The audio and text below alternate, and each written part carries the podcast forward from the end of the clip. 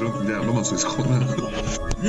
Du lyssnar på Oknytt, en norrländsk humorpodd där jag, Marcus Brunnsdrickaren Österström sitter och pratar med Kristoffer Kattkramaren Jonsson. Ja, det, jag har faktiskt kramat mycket katter i, i, i mina dagar, höll jag på att säga. Fast jag menar nu... Eh, Senaste veckan. precis. Jag har, eh, Podcatten Selma, bland annat. Sen var jag även i Ängelholm. Mm. Ehm, hos, som jag har sagt tidigare i tidigare avsnitt, jag bara Helsingborgs-Hilda. För att jag bara inte förstår att det finns mer än typ tre ställen i Skåne. Så hon, hon bodde tydligen i Ängelholm. Där, hon hade två katter som hette, de är jävligt roliga namn. En hette Vaccin och en hette, vänta nu, var det virus? Jo det var det. Viruset. Virus och vaccin. Gud vad kul. Ja, det var roligt. En, en var sjukt eh, social och den andra gick och gömde sig. Introvert. Va? Introvert. Jaha, introvert tyckte jag. Introvert. Nej men, eh, jo men det, var, det är skoj. Så att, eh, det är lite så här därför också varför förra avsnittet vart... En matlåda. Ja, för jag var hemma, för jag var i Stockholm. För jag var ju och såg eh, Last Podcast on the Left.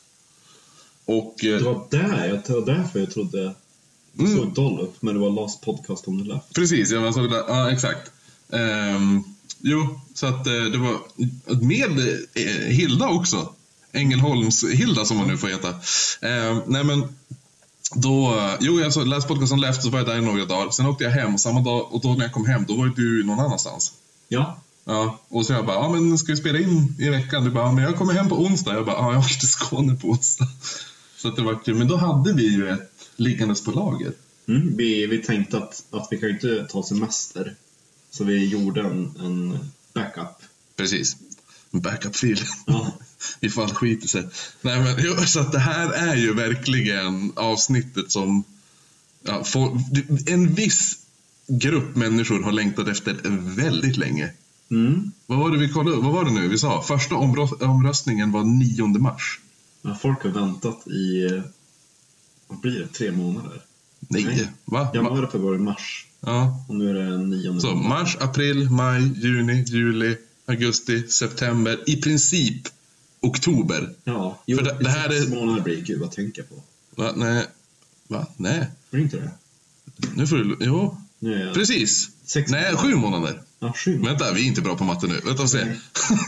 mars, mars en månad. April, maj, juni, juli, augusti, september och det här kommer i oktober. Så i princip åtta månader. Ja. Sju och en halv ungefär-. Så, att, eh, och, så var det så skoj, för man såg första omröstningen så stod det då, då förlorade de med 49 procent mot 51. Och efter det har det bara sjunkit och sjunkit och sjunkit. De där 49 procenten, de får sin upprättelse nu. Mm, verkligen. Jag måste bara påpeka innan vi går in på, på avsnittet det här med, för du kommenterade ju bilden jag la upp om att jag var ute mitt i natten på kyrkogårdar och hemsökte hus. Du la ju bara upp en massa kort, men du berättade inte vad, vad som spökar där. Nej men, så, så, som hon kommenterade, Hilda skrev ju typ hon bara, det är bara han som hittar på, för han antar att det spökar överallt. Men, men, men ett ställe var gamla häktet, det la jag upp, där stod, sades det att det spökade. Eh, men jag vet inte vad. Det, det var den information jag fick. Det avskyr jag när folk bara, åh så gud, jävla spökställe det där är. Åh, det är så skitläskigt. Ja, men vad har hänt då? Nej, jag vet inte. Ja, Man bara, men det, tack. ja, men. Det är en bra början på en spökhistoria. Ja precis. Men någonstans... Jävligt hemsökt ställe. Det oj, vad hände där då? Ja, men... Nej, men, eh, ja, men jag, jag, det är säkert... Om det är ett gammalt häkte. Då hörde du till en till eh, person som mördades. Ja.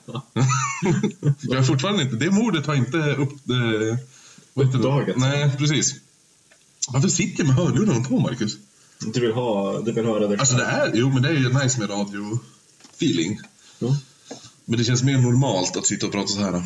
Jo. Eh, nej men just det, vad heter det nu? Nej, men så det var, grejen var varför, varför jag la upp alla de där bilderna. För typ, typ, jag tror det var så här 21 någonting Ja. på natten. Eh, så hade vi suttit, typ, jag hade suttit och druckit gin, öl och eh, vin. Och jag hade även gjort den fulaste jävla Eh, ost, ost, ost och kex. Eh, och det var det fulaste jävla ost och kexet jag, hade, jag gjorde. Det var alltså typ ett kex och så var det en ost, sen var det ett chips på, sen var det till ost, sen var det ett till chips på, en till ost och så ett till kex. Och så kexen var även breddad med sån här bonjour. Ja. Den såg så jävla sunkig ut. Eh, men, men den var så jävla god alltså. Vi lägger upp en bild på Insta. Absolut. Eh, den såg ut exakt. Den såg jättefancy ut faktiskt. Det ser ut som någon jävla gourmetburgare. Ja, fast inte, med, inte om man tog med blixt. Nej. det gjorde typ såhär enorm skillnad. Från typ såhär gourmet-kex till... Men alltså, min resa var så jävla... Det var, ja, men i alla fall, vi gick ut... Ja, vi kom på då idén att vi skulle gå ut på en kyrkogård. Ja. Det, var, det var jävligt fet kyrkogård. Eh, så vi gick där och jag blir ju så jävla rädd. Alltså jag, jag vart seriöst rädd för en duva. Som flaxar i träd. Och, jag skojar inte, min egen skugga. Jag ser bara någon gå vid ett träd. Så jag, och sen kommer jag på när jag tittar dit igen att det är bara min skugga. Typ så här. Jag var så jävla rädd hela tiden. Jag är så sjukt ledsen. Jag vart, när jag vart väckt så var det Hilda som har pekat på, på, eller petat på min axel lite grann. Ja. Och så hoppade jag till i sömnen. Jag, det får man, fan. Lite som Scooby-Doo Shaggy. Ja, men ungefär. Så att, eh, det var bra. Eh, men det har hänt så himla mycket här resan. För jag, eh, jag har fått reda på att det finns personer som hatar Västerbottensost. Nej! Jo. Oj, nu vart någon sur här. Det, då vet man inte vad mat smakar. Mm. Det är typ de som köper hushållsost och bara "Mm, jag gillar inte Västerbotten för den smakar någonting. Ja, precis. Den här hushållsosten är alldeles för stark, men jag, jag tog mig igenom den. Jo. Eh, Det. Sen, på, tal om stark, så var jag också och käkade på ett ställe som heter Rost. Eh, precis som vi, vi har också Rost i Umeå, fast vårt är ett litet fancy hipstercafé. Ja. Eller, vad ska jag säga? Det är nyblivna mammor-café känns det som. Ja, lite lattemorsor Mm, som ska ut och luncha. Ja, exakt. Eh, nej, men det här vara så jävla nice. Eh, så här såg deras taps ut. Nu ska du få se på grejer här. Det, gillar, det här blir min reseblogg. Det var bra så här, tap. Ja. Snygga som fan. Och där köpte jag den här burgaren. Och så här många Scoville var den. Just det, jag minns att det dök förbi någonting. Två miljoner! Hur smakar den? Alltså den var riktigt god, men... Men... Jävlar vad stark den var. Alltså det var så stört. För, alltså jag började, började äta den och så jag bara, det här var riktigt gott. Sen började jag känna att det kom, hettan kommer. Och så jag bara, ah, nu kommer hettan. Typ så, här. Och så fortsatte jag äta. För de var väldigt fruktiga och syrliga och sånt där. De var gjort på sån här scorpion eh, chili eller något sånt där. Ehm, nej men och då, då... Jag tror att så här, två miljoner är starkare än pepparspray. Ja, Ja, jag tror det. ja, nej men och då, då började jag äta och så Hilda bara eh, du börjar bli väldigt röd. Du har fått som två röda horn i pannan. Jag bara va? Och så säger hon bara, nu börjar det tå, så börjar jag känna att så här, tårarna börjar så här, rinna. Ja. Och typ, och så började det bara svi, alltså, och så var det så här, man tänkte att ah, men nu har det pikat. Nu blir det inte värre. Sen bara, jo, och det var, som, det var inte bara i munnen. Det var som att någon hade så laminerat kepskanten med typ chili. Så, när, jag, så när jag hade på mig kepsen började det svida här Men kan det inte vara typ pannan. eh, att man svettas ut det på något konstigt Jo, men så snabbt. Jo, men det måste ju vara det, för min svett sved i pannan. Men gud vad sjukt. Mm, jättekonstigt. Men det var spännande. Jag, jag, jag tror det tog säkert åtta timmar. Innan det hade gått bort. Alltså innan, innan jag här, slutade känna typ så att det var lite ömt runt munnen och sådana saker. Jag Men, provade California Reaper, ja, en kollega på jobbet, när jag var på Ikea. ja, ja. Då var det ganska lugnt i kassan så kom han förbi och bara smaka på det här. Jag sa inte vad det var. Vadå rå? Nej, det var mad. Ja, oh, ja. Och så bara, men det var ganska fruktig och kryddig. Mm. Och så säger man bara, nej nu känner inte jag tunga. Nej. Och så, ja men precis, att man känner hur det bara domnar bort. Jo. Och att det blir jävligt varmt. Ja, men visst har jag berättat när jag var på den indiska restaurangen? Nej. Eh, det var, det var så här, det här var jättelänge sedan innan jag typ riktigt, alltså nu tycker jag om stark mat som fan. Ja. Eh, men då var det så här, jag trodde jag tyckte om stark mat. Men det var mest för att jag skulle kunna säga, jag gillar stark mat. Eh, lite som den här, eh, när någon bara, tycker, smakar visst är den stark? Och så man bara, ja, alltså någon var stark men jag är inte starkare. Typ den attityden, så här riktigt mm, tantnörd. Mhm. Eh, Nej, men så var vi på en indisk restaurang, jag och mitt gamla ex. Och så jag bara, ja men jag tar den där. Och så hon, eh, servitrisen då, som även var från Indien, eh, antar jag. Och då, vad heter hon bara, den är jävligt stark, den är riktigt stark. Jag bara, det är lugnt, jag gillar stark mat. Så här. Och jag äter ju skitsnabbt. Ja. Jag kastar ju typ i mig maten när jag äter. Och då var det så här, så att jag hann ju inte börja känna hur starkt det var. Utan jag bara, "Åh, det här var gott. Typ så här. Och så, sen när jag la ner gaffeln för att typ, så här, dricka lite och typ någonting. Då, bara, då känner jag bara typ så här, hur det börjar pipa i öronen. Nej. Och så sen börjar det bli svart för ögonen. Och jag blir alldeles yr. Och jag måste så här, jag måste typ så här, att riktigt så här, hålla i mig nästan för att inte så här, typ svimma. Ja. Och så tittar jag upp medan jag sitter typ så här. Och så tittar jag upp och då går servitrisen förbi och hånflinar åt mig. Lilla aset. Oh, manlighet fick sin törn. Ja, verkligen. Då var jag inte så jävla kaxig längre. Åh, men det påminner mig, alltså, sam, alltså känslan, när jag satt och drejade på gymnasiet. Jag gick Mhm. på bildestet. Mm. Och, och så sitter man på så här snurrstolar så åkte jag iväg en bit för att kolla liksom hur min ja. höll på med sig på avstånd. Och sen ska jag åka tillbaka. Åkte jag lite snabbt så jag stod i knät mot typ storspenet. Nej, ett annat storspen något. Ja, någonting, något hårt, metalligt. Precis på den där CP-nerven Oh, i ja. knät. Alltså det var så... CP-nerven, det som kärringnerven i Ja, knät? ja. Okej. Jag har Ja, aldrig hört uttrycket CP-nerven. men- det säger man i Örnsköldsvik. Ja, ja. Ja, de, de är homofober och... Får vi inte. Men det var och, precis som du sa, liksom det där pipande ljudet. Ja, ja. Precis som de typ gör i filmer, de visar typ Ja. att de blev bedövad, att det blev vitt. Krigsfilm, Ja. en bomb som Shell shock ja. och så. Ja, Ja. precis. och sen så bara börjar... Saving Private Ryan. Ja, Ja. börjar synfältet krympa. Så min lärare bara, Marcus är jävligt blek nu. Jag bara, hon bara, men lägg ner med huvudet mellan benen. Jag bara, "Ja." Gud. Ja. Nej, så det var, det var en spännande resa för mig, men den slutade inte så jävla bra. Jag tog ju nattåget hem. Blev du rånad? Nej, men jag träffade en gammal kompis på tåget Ja. från, eh, från eh, högstadiet. Mhm. Vi satt och drack öl ganska mycket. Ja. Jag gick och la mig. Ja. Vaknade av att någon bara Bastuträsk strax. Vakna i fucking Bastuträsk! Åh nej. Alltså vet, det är mitt i ingen jävla stans.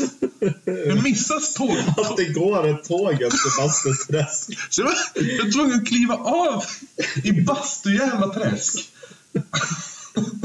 åka, i, åka typ fem mil till Skellefteå genom alla andra jävla träsk som finns där.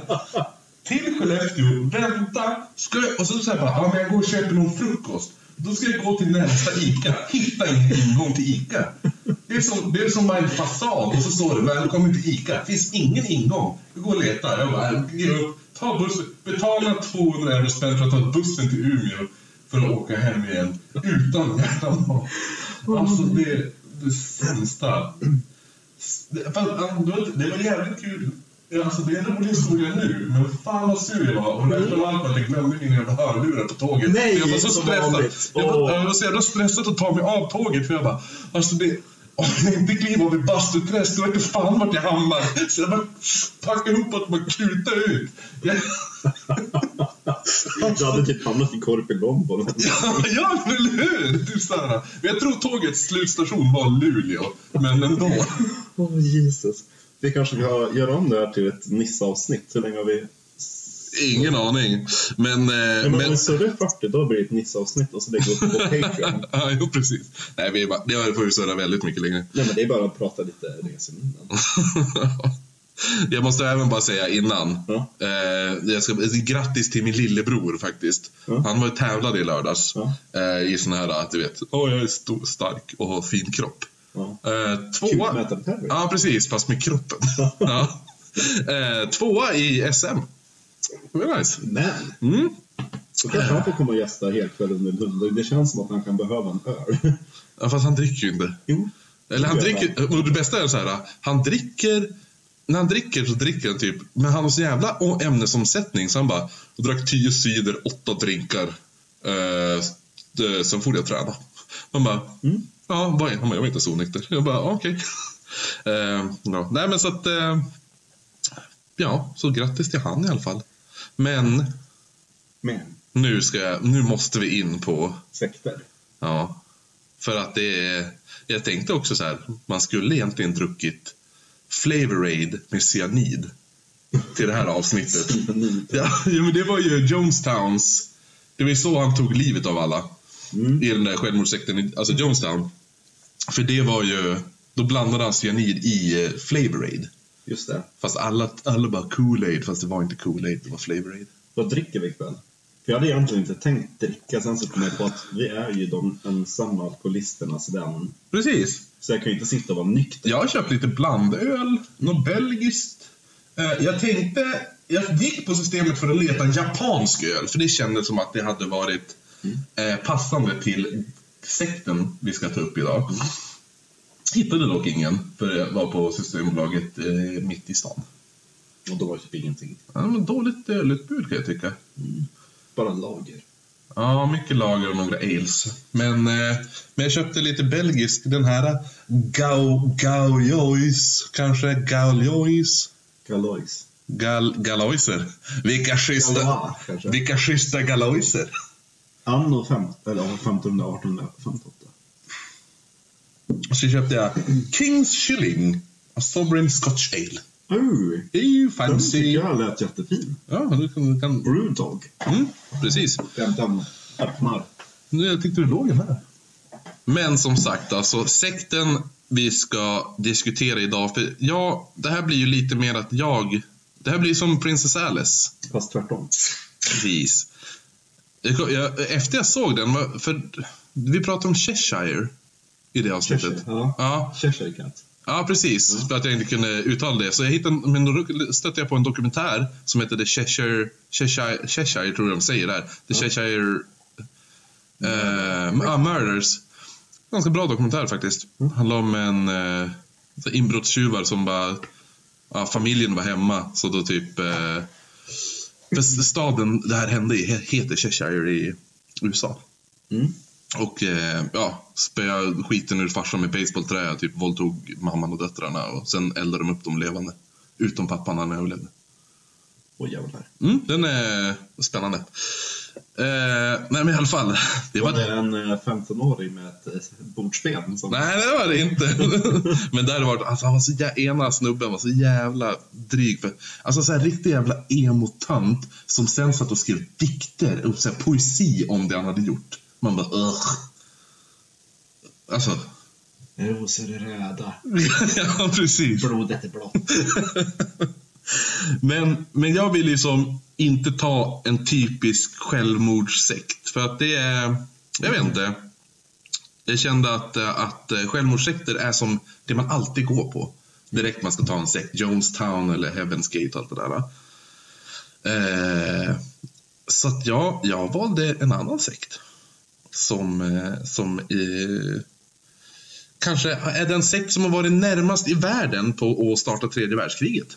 Det tycker jag lät starkt gjort. det är bra med höga ambitioner. Ja, verkligen. Och så jag, det är ändå typ en av de mest galna, så här, häp- häpnadsväckande sekter jag, alltså, man kan sätta på. Eh, det är alltså Aum Shinrikyo.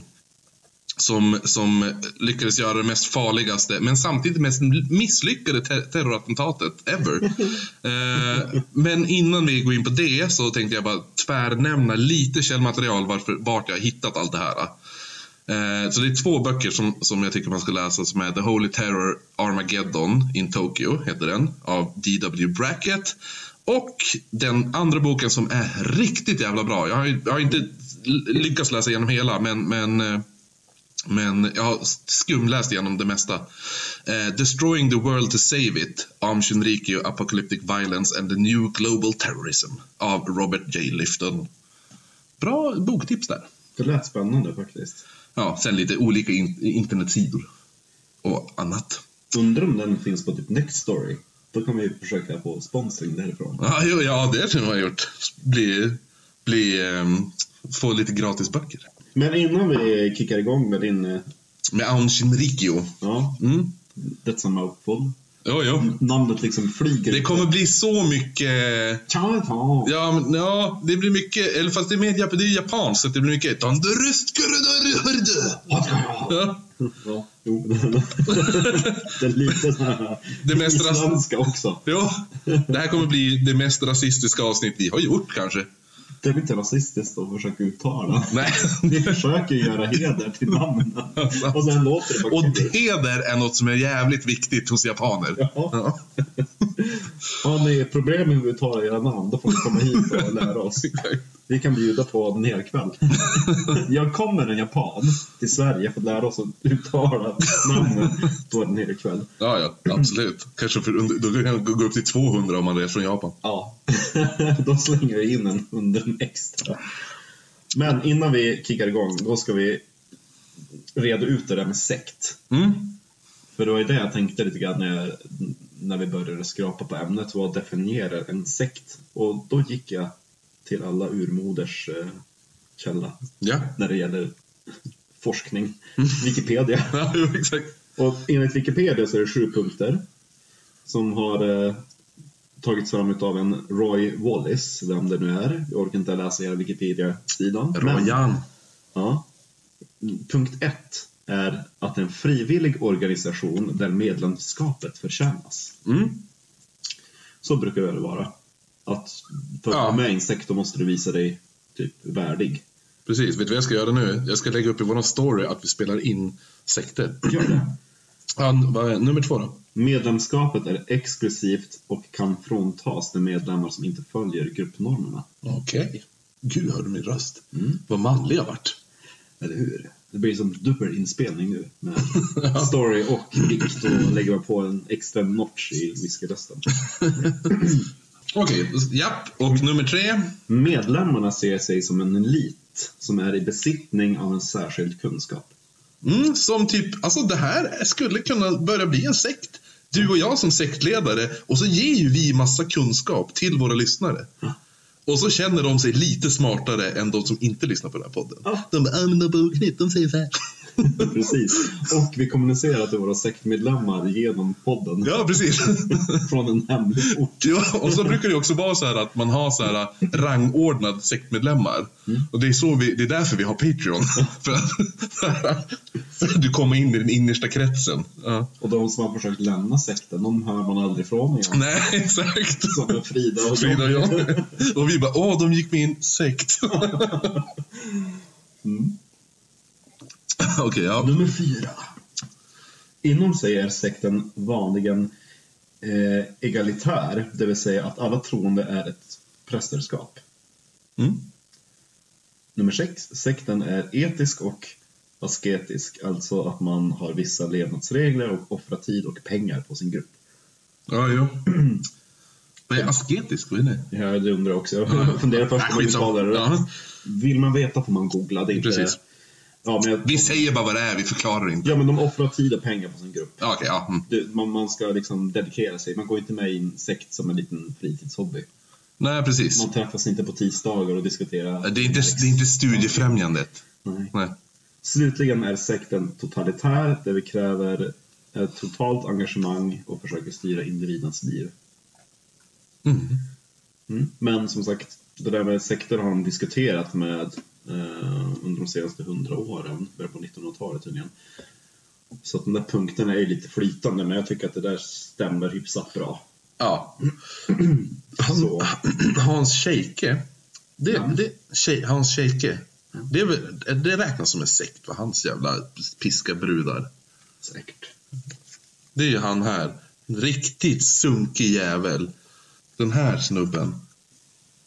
Men gud, Ja. det där ser ut som Saruman. Jo, han är, jo men kolla den här bilden då. Men gud, vad oh! Alltså gud vad äcklig. Han Ja. såg ut som, tänk dig att Näcken och Foxerået har fått barn och det barnet har, har dött och sen blivit en myling. Ja, jo. Som firar midsommar. Ja, men exakt. Jo, nej men det, det klassas som en sexsekt, hans eh, svensk sexsekt. Mycket så här, smiska med björkris och sånt där. Jag kan tänka mig att vi kan ju också ha en inre sektcirkel om vi hittar några medlemmar vi gillar lite extra. Ja, ja. han, han är för övrigt 95 år. Fort, han lever fortfarande. Han född i Stockholm. Men gud. Ehm, Han kanske vill vara med på helkväll. Åh gud, det blir en redig helkväll. Han kommer inte dö. Det jag vårt mål, nej inte mörda Hans. Ja, det är det vissa sekter gör. De tar ju ut andra sektledare, eller så här, äh, sekters så här, ledare för så här, rivaliserande sekter. Det är vårt mål, mörda Hans Scheike. Kan vi bli, kan vi bli avtalade för det här? Det är det jag funderar på. Oh. Typ som när jag sa att, vad heter det nu, Per Eggers var alkis. Ja. Förtal. Ja, förtal. Fast jag sa inte att det var alkis. Jag sa att vill man se han full, häng, häng kring Ica i Vanadislunden. Då lär man stöta på han o- onykter. Vi, vi kanske ska passa på att göra en liten disclaimer. Det här är en humorpodd. Ingenting vi säger är seriöst. Eh, Förutom, då säger vi okej, nu är det seriöst. Ja, det, kan, det, det kanske händer i det här avsnittet också. Eh, Eh, Ja. Finns det, tror du att det finns en chans under det här avsnittet för serien att dyka upp? nej, faktiskt inte. Jag har inga citat. Nej. Den här då. För att eh, det kändes som ifall det skulle vara ett citat så känns det inte som att... det, är Sir Ian. Jag skulle vilja se den, den filmen. Men, Jag ska spela japan. precis. Eh, nej, men alltså. Shoko Asahara är den personen vi ska fokusera på idag. Tjocke Hassan. Tjocke, tjocke Hassan. Tjocka Hasearo. eh, han hette egentligen Shizu Matsumoto. Men... ja, ja, fast Shizu kanske man säger. Shizu eller något sånt. Ja, Shizu, hur säger jag? Shizu Matsumoto. Eh, men, men för att göra det enkelt så säger, kommer jag härmed kalla honom Shoko Asahara. Eller bara Asahara. Ja. Hasearo. Eller sh- Shito. Shit, shit.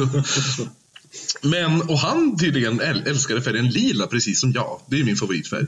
Så att, eh, ja, för han bar nästan alltid bara lila kläder.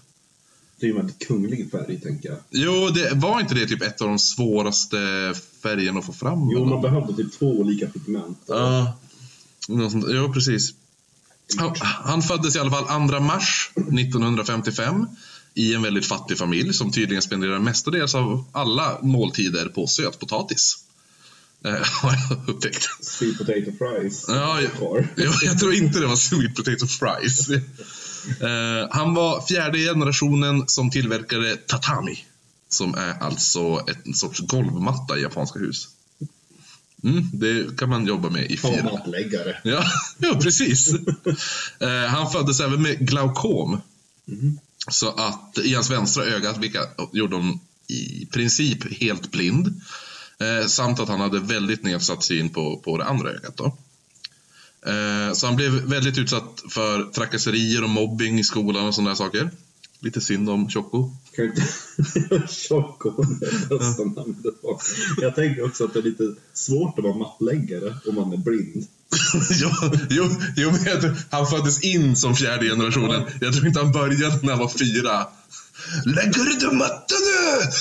Lägga matta! Använd ditt ögonmått! Jag känner också att vi hade varit de som mobbade han i skolan. Eh, Men allt det här ändras i alla fall i tonåren. Menar inte att han blir mobbad för sitt namn.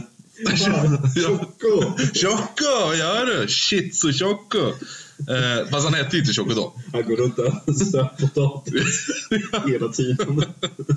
Han tycker synd om sig själv. Med en söt potatis. Sluta! Han äter sötpotatis. Eh, Nej men han, det här är, alltså mobbinggrejerna ändras. För i tonåren så byter han och hamnar då på en internatskola. Och han hamnar på en internatskola för blinda. Alltså så här becksvart blinda. Varför skrattar jag? Det är så hemskt. Men grejen är det att Asahara kunde ju faktiskt se, även om det var väldigt begränsad syn han hade. Det var ju som lite halvers och sådär. Men på den här skolan så gjorde han sig själv till så här, kung över... Vad är det? det finns ju något talesätt, typ så här... Eh, men typ... Eh, en, en, så här, en halvblind man i ett rike av blinda eller något där är kung. Ja. Ja. Jag vet inte fan vad man ska säga. Eh, det är något sånt där talesätt. Det, jag, tänker, jag tänkte faktiskt på det också att bara man är lite sen i en helblind skola, det är ett enormt övertag. Verkligen. Och det här övertaget utnyttjade han extremt. För han eh, utnyttjade andra elever genom att stjäla deras pengar. Får dem att köpa mat och bakverk åt honom. Men, ja, men inte betala tillbaka. Och spöa skiten ur dem, gjorde han också. Eller så kan jag bara säga, men jag har ju gett dig pengar. Jo, för jag tänker lite det att det är så här typ, han bara Ja, det var så bara, ja okej, men köp, eh, köper du den där så får du pengar av mig sen. Okej, ja här, ja tack. Får man bara ett knöpligt kvitto typ. Här, ja tack. Det, eh, det, vart lite extra, men behåll växeln du. Tackar så mycket! Eh, 200 kronor. Nej men, ja men lite så tänker jag att det var. Eh, men kort och gott då, han var ett jävla svin. Han förtjänar att bli mobbad. Ja, innan ja. Ja. Jo, jo det, han, det kommer bli mer varför han förtjänar att bli mobbad. Ehm, men eh, han hade ju då så här, riktigt övertag över de här gossarna som han gick med. Och under åren så utvecklade han sitt så här manipula- manipulationsbeteende, vad man ska säga. Så att han vart bara bättre och bättre på att manipulera. Eh, det- Jag kan ju tänka mig att det är ganska lätt att manipulera någon som är blind. Jo, ja. Men det här är det bästa. En grej som han gjorde var att erbjuda någon blind jävla stackare och han bara, "Du, jag kan leda dig. Det finns ju en godisaffär här nere. Ja, okej. Ja, men jag kan leda dig dit. Jag kan ju faktiskt se. Så, att, eh, så kan du få gå dit och handla lite godis.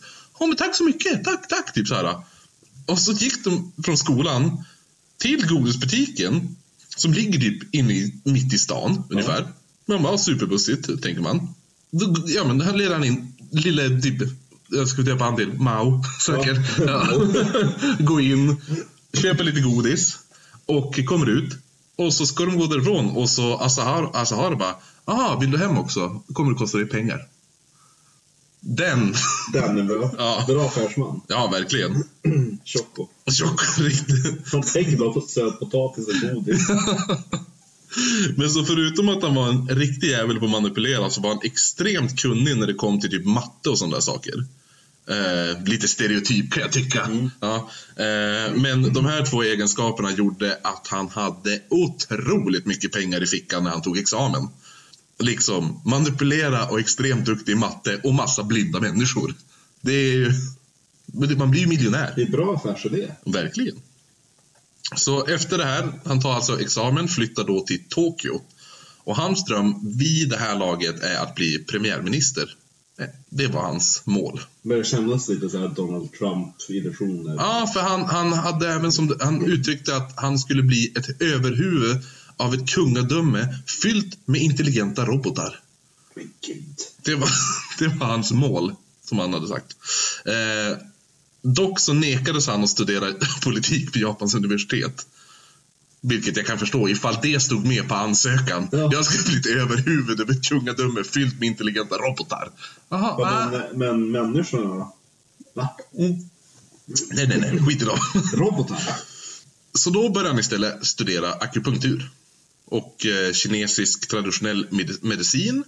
Vilket var, det var tydligen väldigt vanligt förekommande hos blinda. Så jättemånga blinda som hade typ så här, så akupunkturställen. Och, jag tänkte typ blanda mediciner, det blir skitbra. ja, men vill du få nålar instocken av en blind människa? Men jag vill inte heller någon som ska blanda ihop mina mediciner. Var ju blind? Exakt. Så de råkar ta typ såhär nitroglycerin istället. och- Så drick det här, lägg det på nålmattan. Eh, Men då under den här tiden så träffar han då Tomoko Matsumoto. Och de gifter sig och tillsammans får de sex av de tolv barn Asahara kommer Jag trodde att det var man först. Mattsson någonting. Tomoko. Tomoko Mattsson. Ma- Matsumoto är ju efternamnet. Kanske ska försvenska här namnen. Så har vi Tjocko och så har vi Mattsson. Fast eh, Shoko Asahara, alltså Shoko Asahara heter ju egentligen Mo- eh, Matsumoto. Ja men det är roligt med, med, med Tjocko. Ja, Shoko, ja, men då blir den här Tomoko, Tomoko Matsumoto kommer inte vara med så mycket mer. Nej okej. Så att, eh, får heta det. Ja. Eller Tommy. Tommy, Tommy och Annika. Fördelen då med... Eh, ja, jo, nej, men vi sa ju det. Att, att de två får sex barn och av de tolv han kommer att få. Han får tolv barn sammanlagt. Eh, fördelen med Matsumoto var att hon kom från en väldigt, väldigt rik familj. Plus att Asahara nu börjar studera kinesisk astrologi. Lite olika religioner och annat sånt där mumbo jumbo shit. Eh, plus att han nu även slutar klippa sig och raka sig. Och bara feel good hippie typ. Ehm, så då övertalar han då Matsumoto att använda hennes pengar att låta honom öppna upp Matsumotos akupunkturklinik. Vilket hon, ja, hon går med på det. Där då Asahara erbjud, erbjöd nytänkande och framförallt väldigt dyra behandlingar. Det var extremt dyrt att gå dit. Eh, han kunde tjäna tusentals kronor eh, bara på att blanda ihop typ oljor och frukt och sälja det till typ lite så här vidskepliga människor. Eh, vilket på den tiden i Japan var typ varenda person i hela landet. Alltså han stoppar typ ner en ananasbit i olja och skakar runt det och han bara Smörj det här på ryggen varje kväll kommer eh, så kommer du möta Shiva. Man bara, aha, okej. Det är så här, 3000 kronor tack. Jag önskar att det fanns så godtyckliga personer idag. Jo, så här riktigt gullible människor. Och i Umeå, och rika. Ja, jo, exakt. För det är det, grejen är, jag kommer ta upp det också, att eh, under hela den här tiden med under Japan, för det här är ju så här, slut, så här, mitten av 80 till mitten av 90, det är en tioårsperiod, allt, hela det, det här det tar vid och det är typ, då är, alltså Japan är ju typ världsekonomi då. Det, de har så jävla mycket pengar. Det går bra nu. Det går riktigt bra nu och det, då är det klart man utnyttjar det. Ja, eller hur? Men, men eh, då visar det sig då för Choco här då, att det krävs, eh, jag gillar att jag skulle säga, jag har döpt han hela tiden till Asahara i min så här, stödpunktspapper, men nu får han heta Choco. Det var mycket roligare. Det krävdes ju tillstånd för att sälja läkemedel. Eh, alltså licens var man tvungen. Alltså, eller sälja läkemedel utan licens behövde du ett tillstånd till. Vilket känns som att det är licens på något sätt. Men eh, Choco gjorde ju ändå. Så han, de tog han och han var tvungen att betala 200 000 yen. Vilket idag motsvarar, ska vi se, enligt senaste beräkningen. Ja. 23 312 kronor fick han i böter. Och eh, det är då efter det här som hans intresse i religion helt plötsligt tar en jävla fart. Och han börjar studera tao taoism, buddhism, kristendom och esoterism. Gud, Ja. han Eh, känns jätteflummig. jo, han är ganska flummig. Och gud, han, han måste ändå studera väldigt hårt med tanke på att han ser ju ingenting också. Han börjar även göra pilgrimsresor till Indien där han då stöter på Dalai Lama. Vilket det finns bild på. Han tog en selfie innan det var populärt. typ. Ja! jo, det finns bild. Jag ska lägga upp den bilden. Men det är så skoj för de har även frågat han Dalai Lama om han mindes det här mötet. Och han bara eh, Ja, jag, jag, jag minns att jag stötte på en väldigt underlig, konstig japansk man. Heter Choco. Choco! Men han påstod sig även ha mött eh, Shiva, alltså the destroyer of, World. ja, typ, eller så här, det är väl förstörhetsgudinnan. Ja. Ja, den som bara förstör. Mm. Det finns ju någon bra Ed Izzard det där. Så här, jättejobbigt, så bara, då finns det ju så här, eh, guden av skapelse. Så att det är tur att Shiva också finns. För att man bara, jag vill ha en, eh, den här byrån. Puff! Nej men nu vill jag inte ha den. Ah, skit också. Jag kan inte förstöra saker. Shiva. Ja. Jag måste bygga ett förråd. Puff, förråd. Eh, Men han, han påstod alltså mött Shiva och tar efter det på sig en egen titel som är då Sinchi, den titeln, vilket är typ en guru ungefär. Så, Sinchi. Sinchi! Och 1984 så startar Asahara Aum Shinsen no Kai, hette det då. Men han byter då senare namn, samtidigt som han själv byter namn från Shitsu Matsumoto till han nu, det vi har lärt känna honom som Shoko Asahara. Ja. Ledare över då Aum Shinrikyo. som då sekten bytte namn till också. Jag tror Shinrikyo betyder typ the truth eller något sånt där, final truth eller någonting. De brukar leta efter någon sanning, de som är religiösa. Ja. eh, hur Asahara, eller Chokora, lyckades eh, locka folk att gå ner med en sån här nystartad grupp var att sätta in annonser, lite nästan som typ så här kontaktannonser i olika tidningar. Fast tidningar inom så här astrologi och andra såna här hokus pokus grejer. Eh, typ lite så här, jag tänker bara, skäggig ovårdad herre söker dig, lättlurad rik japan. Ja. För han påstod sig kunna meditera under vatten, bland annat. Det var en av hans. Han bara, jag kan, det här kan jag göra. Meditera under vatten. Jag kan läsa dina tankar. Jag kan minnas mina och dina eh, min, alltså förra liv. Vet du vad- vet du vad man påminner om? Nej. Kirsten Tobie Ja, ja, ja, lite så. Jag kan levitera under vatten. Ja, jo, men han kunde levitera ovanför vatten också. Ja. Eh, för det var hans, så här, det han skröt om mest av allt. Det Jag kunde var levitera. Ja, jo. Och det finns så här, det var en, ett mass, alltså när han mediterade så bara flyger han. Ja. Finns det bild på det? Jo, för ett magasin som gjorde dubbelsidig intervju med Choco visade en bild där man ser han sväva ovanför marken. Och jag ska visa dig den bilden nu tänkte Jag jag. flyttar runt. Ser ut att skjuter på sig. Den, den bilden var uppe i eh, den här tidningen då. Det, den, den såg lite suspekt ut. Ja, men du tänker kanske är det trickfotat eller? Jo, för alltså, Det såg ut som att hans hår var i rörelse, ungefär som att han faller. Mm. Det, det är... Du är på rätt spår faktiskt. För det är, det är inte trickfotat eller redigerat eller någonting. Svaret är att han lyckas i sin pose när han sitter här skräddarställning. Ja. så lyckas han flexa upp låren och rumpmusklerna så pass mycket att han som skuttar upp i luften. Vilk, ja, vilket då, om tar bild precis i tur, eller alltså i rätt tidpunkt, ser det ut som att han svävar i luften. Så han är bara jävligt duktig på att flexa låren och the, the butt. Han hoppar. Ja. Han bara, jag kan, jag kan sväva.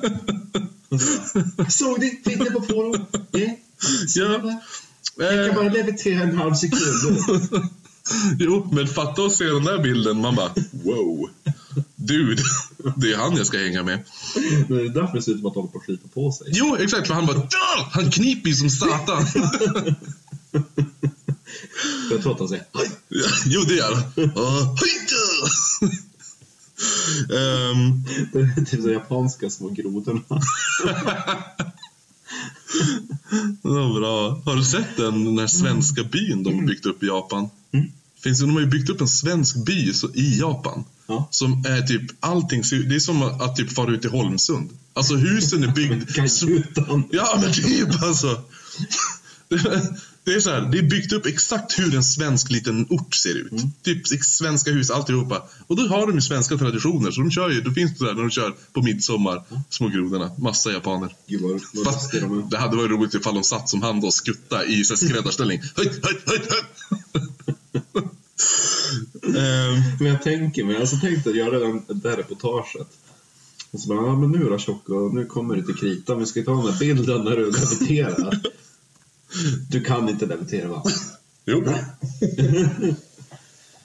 Blunda och tryck lite.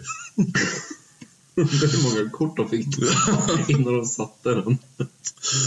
Eh, men ja, precis. Så det, är så, det är så han... Och då börjar, nu börjar folk så här, intressera sig väldigt mycket av den här sekten. När de ser det här, eh, in, intervjun och inslaget. Och det tog några år, men eh, 1989 i alla fall så erkänner alltså Japan Amshin Rikyo som ett religiöst samfund och eftersom det inte finns någon skillnad eh, enligt japansk lag på sekter och etablerade religioner så de bara, ah, ja, vi behöver inte betala skatt och sånt där. Aha. Mm. Eh, och utöver de här små annonserna börjar även Asahara, eller Chokoro, kunna göra tv-reklam, skriva små manga-berättelser om sig själv som om de vore sanna. Även. Eh, han gjorde även, som jag säger, anime-filmer, Mm. anime-filmer fast vissa säger anime, eh, och annat, vilket tilltalade många universitetsstudenter. Och det började sp- spridas så mycket så att så här, det kom in jättemycket. Alltså det är en massa bara nördar som faller för det här. Och du ska få se en av ehm, Hans animes. Ja, precis. Som är eh, introt till den. Alltså det är så kul, alltså det är så sjukt. Det är alltså... En blind dörrmattläggare som mobbar och håller på. Han hittar på en liten sekt.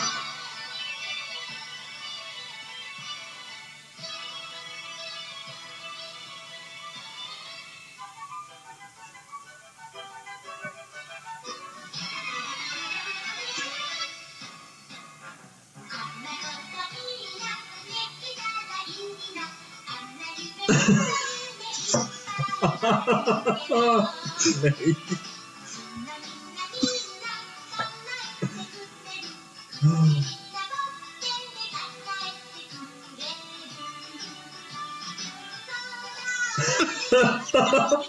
Nej!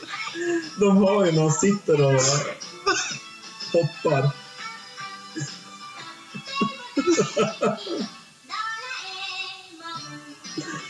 Oh, Gud.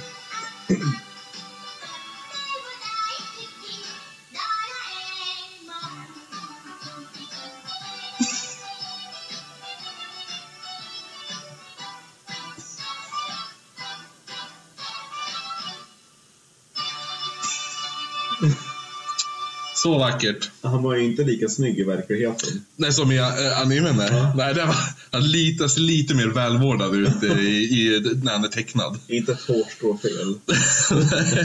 I, i, I verkligheten var det väldigt mycket fel. Ehm, Och så kul att de hade liksom en sekvens där han sitter där och och skuttar. Ja. så, så, ja, doink, doink. Alltså det är riktigt så. Och sen, det är först som att han försökte starta sin levitation, för sen flyger han ju. Jo, jo precis. Det är, så här, det är lite trög när man startar brr.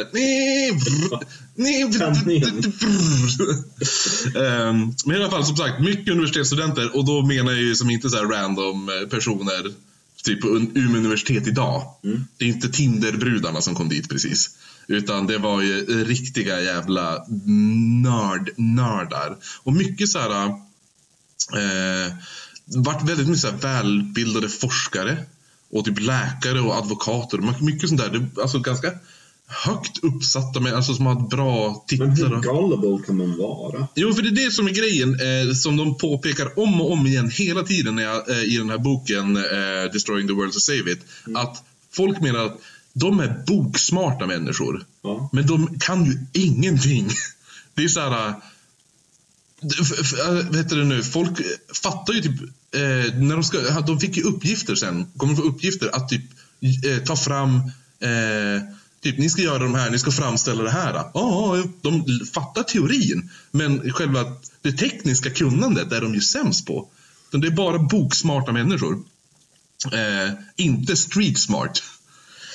Så att, eh, men i alla fall, senare får då den här eh, religionen, eller vad ska man säga, sekten, får då eh, smeknamnet The Religion, The Religion Elite för att det kommer in så många, alltså ändå högt, högt stående i samhället, eller man ska säga så.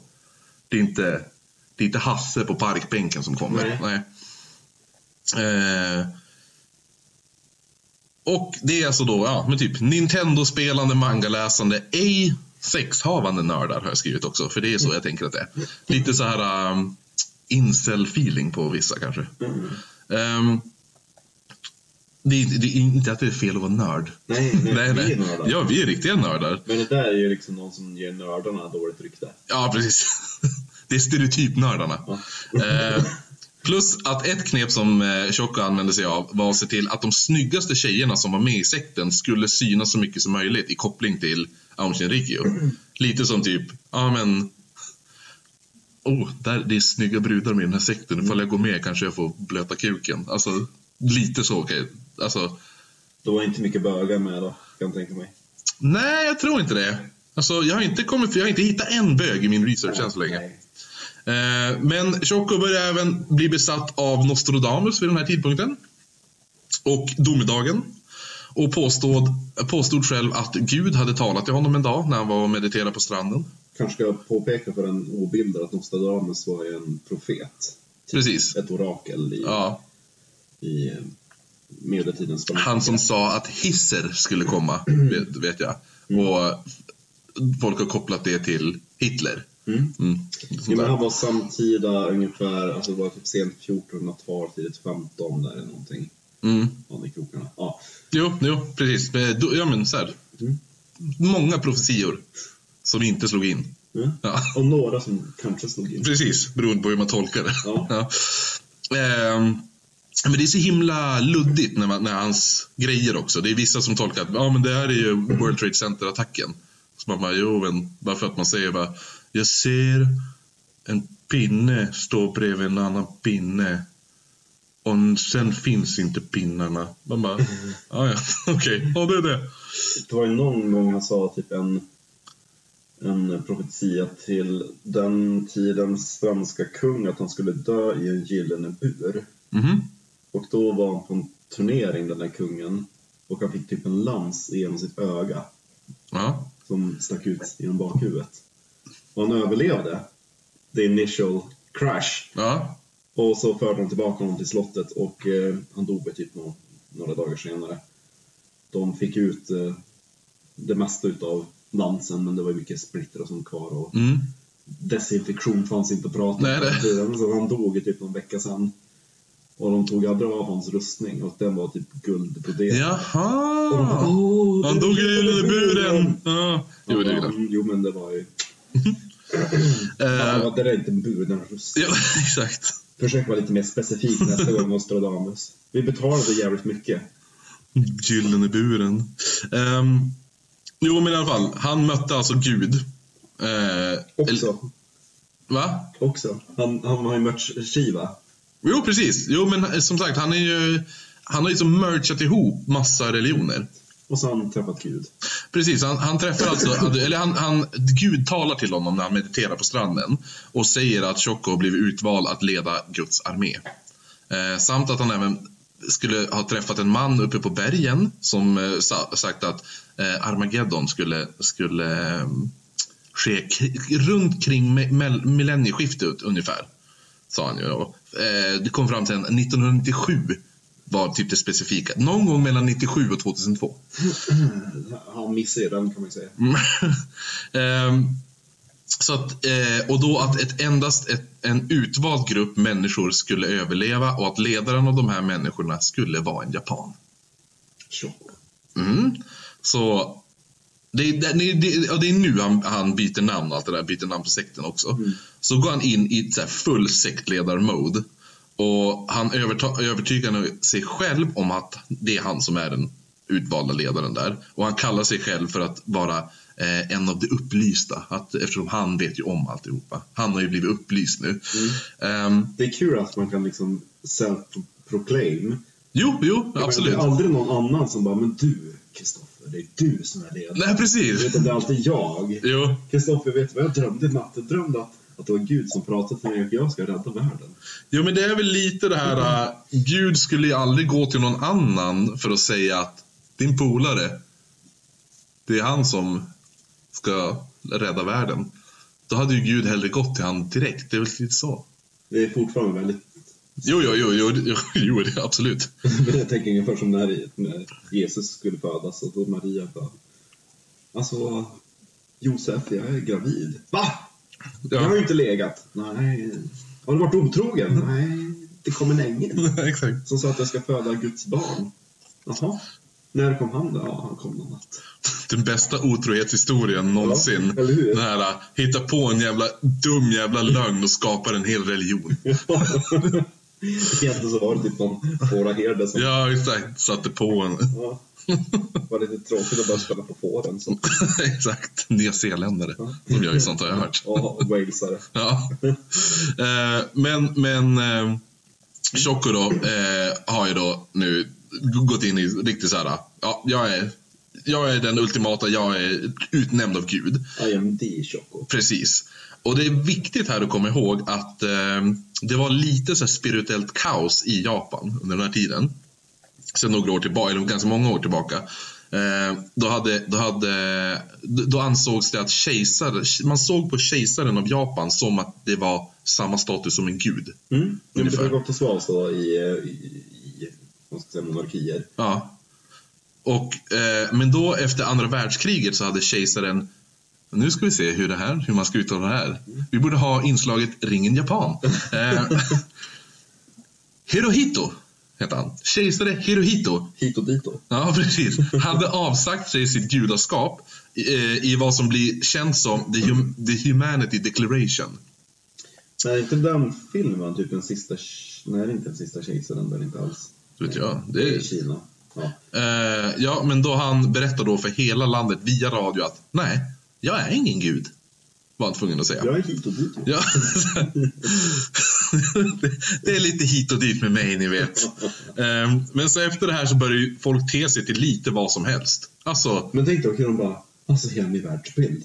Jo. Jag trodde ju att han var Guds barn. Ja, men det är ju så. Alltså, det, hela landet blir ju helt bara, jaha, nu är inte han Gud längre. Nu är inte han, vad ska jag göra nu? Så att det, det, det är ju extrema mängder små sekter som, som skapas hela tiden. Men det är ju bevis också på att, att religioner till största delen är ju bara påhitt utav människor. För det är ungefär som den katolska kyrkan hade ju jättelänge, ända fram till typ 1900-talet, eller kanske till och med 2000-talet, att odöpta barn som dör hamnar Mm. i skärselden. Jo, jo. Så att folk hade ju jättemycket ångest. Åh, min, mitt barn dog i, i födseln och nu kommer det vara i skärselden på alla evighet. Ja, Men helt plötsligt, genom ett mirakel, katolska kyrkan, påven skriver på ett brev. Ja. Nu är de inte skärselden längre. nej exakt. Jo, men det, Tada! det är som eh, hela grejen med typ eh, Svenska kyrkan, att de bara, eh, vi bestämmer att helvetet inte finns. Det är lite samma sak. Men, ja, men det är ju därför, vad heter han, eh, Martin Luther gick ur och Jo, satte sig upp mot det där för att han var ju väldigt emot att kat- katolikerna älskade ju det där att hitta på massa saker som det inte står med Bibeln. Bara, Ja, jo, exakt. Eller, var står den? Ja. Eh, nej men, nej men så, så i alla fall. Det är ju då väldigt många som är typ i en som religiös vilsenhet. Folk ligger lite apatiska och stirrar in i väggen. Ja. Vad ska jag tro på? Vad ska jag tro på, tro på, tro på när, tro på när det är så men, ja, här. men Choco är lite som Thomas Di Leva. Ja, faktiskt. Kom Jo. där, vi har bara... Den låten är kanske en sektlåt. ja. Jag har fan inte tänkt på den texten är. Vad, eh, vad svar, vänta på frågan. Ehm, har ni en balkong? På frågan har ni en balkong, vad sa Thomas Di Leva då? Va? Har ni en balkong? Vad är det här för jävla skämt? Ja, ja. På frågan har ni en balkong? Då svarade Thomas Di Leva. Vi har bara veranda.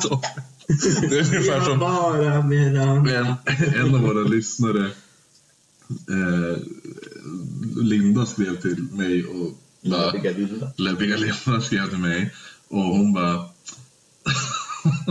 Vad heter Jehovas vittnen i Japan? Jag vet inte. Pling plong. Det var bra. Den är så jävla rasistisk. Ehm, men eh, ja, som sagt. Vi skyddar oss med det här är en humorpodd, vi får säga vad vi vill. Ja, Eh, mm, yttrandefrihet. Exakt. Eh, men, men i alla fall, så, så, Aum- Aum Shinrikyo är ju alltså inte den första buddhistiska sekten i landet. Alltså, det är skitvanligt under typ 60 och 70-talet. Jag kan säga att det är poppis. Det är väldigt poppis. Ja, lite hipster. Eh, Så det finns jättemycket 60-70-talet liknande så här religiösa grupperingar och värva medlemmar typ på samma sätt som Choco gjorde. Och en av anledningarna till att Aum Shinrikyo blir så enormt stor var att Asahara, alltså Choco då, var extremt, som vi sa, manipulativ och kunde, kunde tänka lite så steg i förväg. Mm. Ehm, Så han var ganska duktig på att planera alltså hur folk eh, och omgivningen ska reagera och lite sådana där saker. Han var lite alltid ett steget före. Och då att, att Japan under den här tiden är då, som sagt, som jag sa tidigare, en av de så här, världsledande inom ekonomi. Mm. Och, eh, och då var det ju så, ja, de som anslöt sig till sekten är ju då studenter, höginkomsttagare som typ forskare, läkare advokater. Eh, men också viktigare är att alla framgångsrika sekter har gemensamt och det här, det här är ju som ett tips. Eh, ifall man sitter där och bara, ska, ska jag starta med en självmordssekt eller liknande? Eh, det man absolut måste göra är att se till så att alla medlemmar i sekten ska isoleras. Alltså från det enda som existerar i deras omvärld och i närheten ska vara sekten. Du ska ju, och det var ju det han gjorde, Chokoro.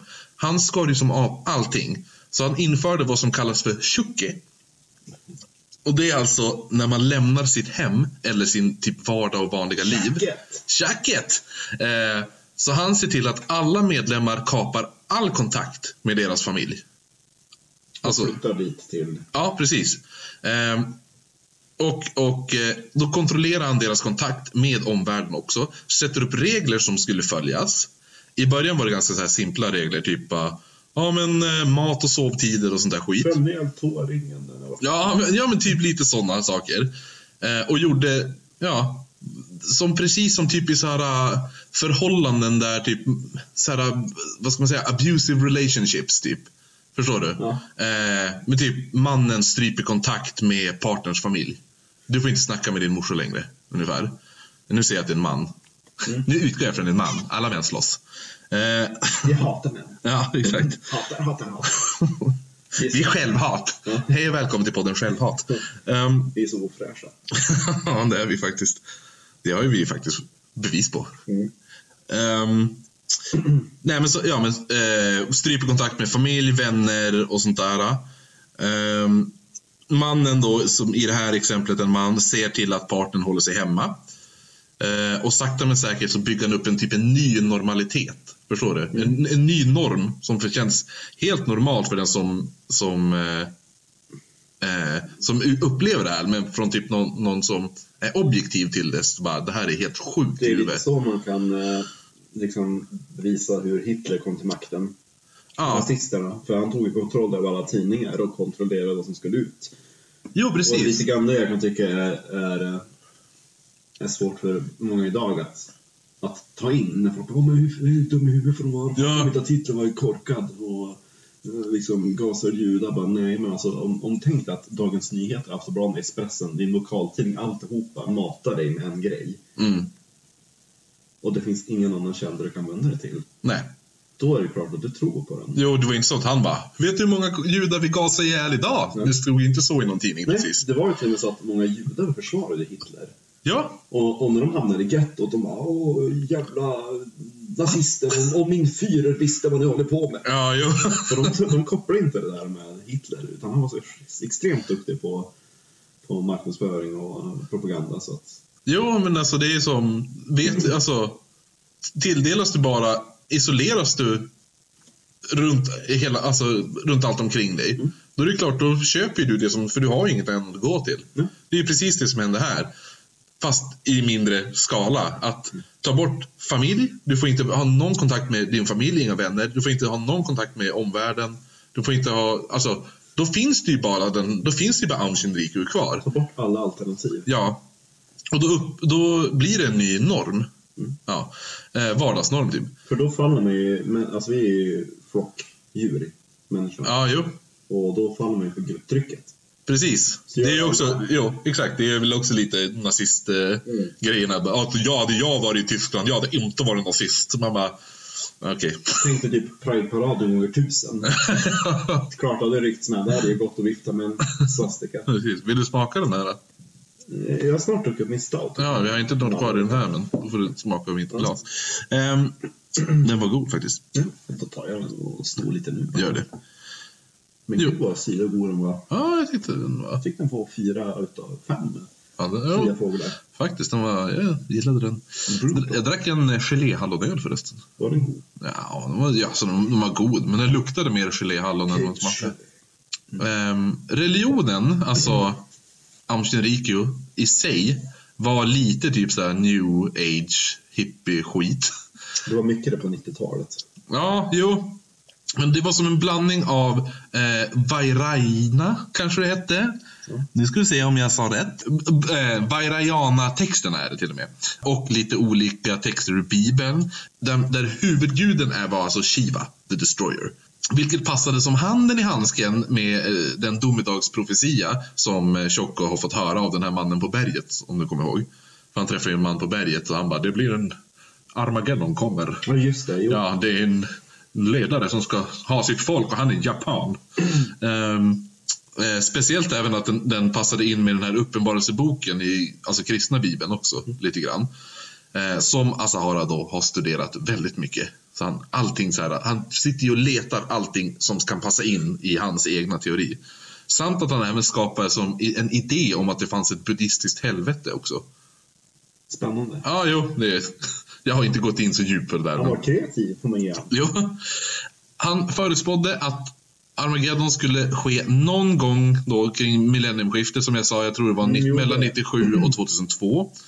Eh, I form av ett kärnvapenkrig och menade att man kunde skydda sig mot det här genom att utse en Buddha i varje land. Och Asahara då skulle, som överbudda skulle styra från Japan. Ifall man lyckas med det, då klarar vi oss från Armageddon. Ska du eller jag vara Buddha i Västerbotten? Oj, det känns som du är nog en bättre Buddha i Västerbotten än jag. Du får under-Buddha. Ja, jo. Under Buddha.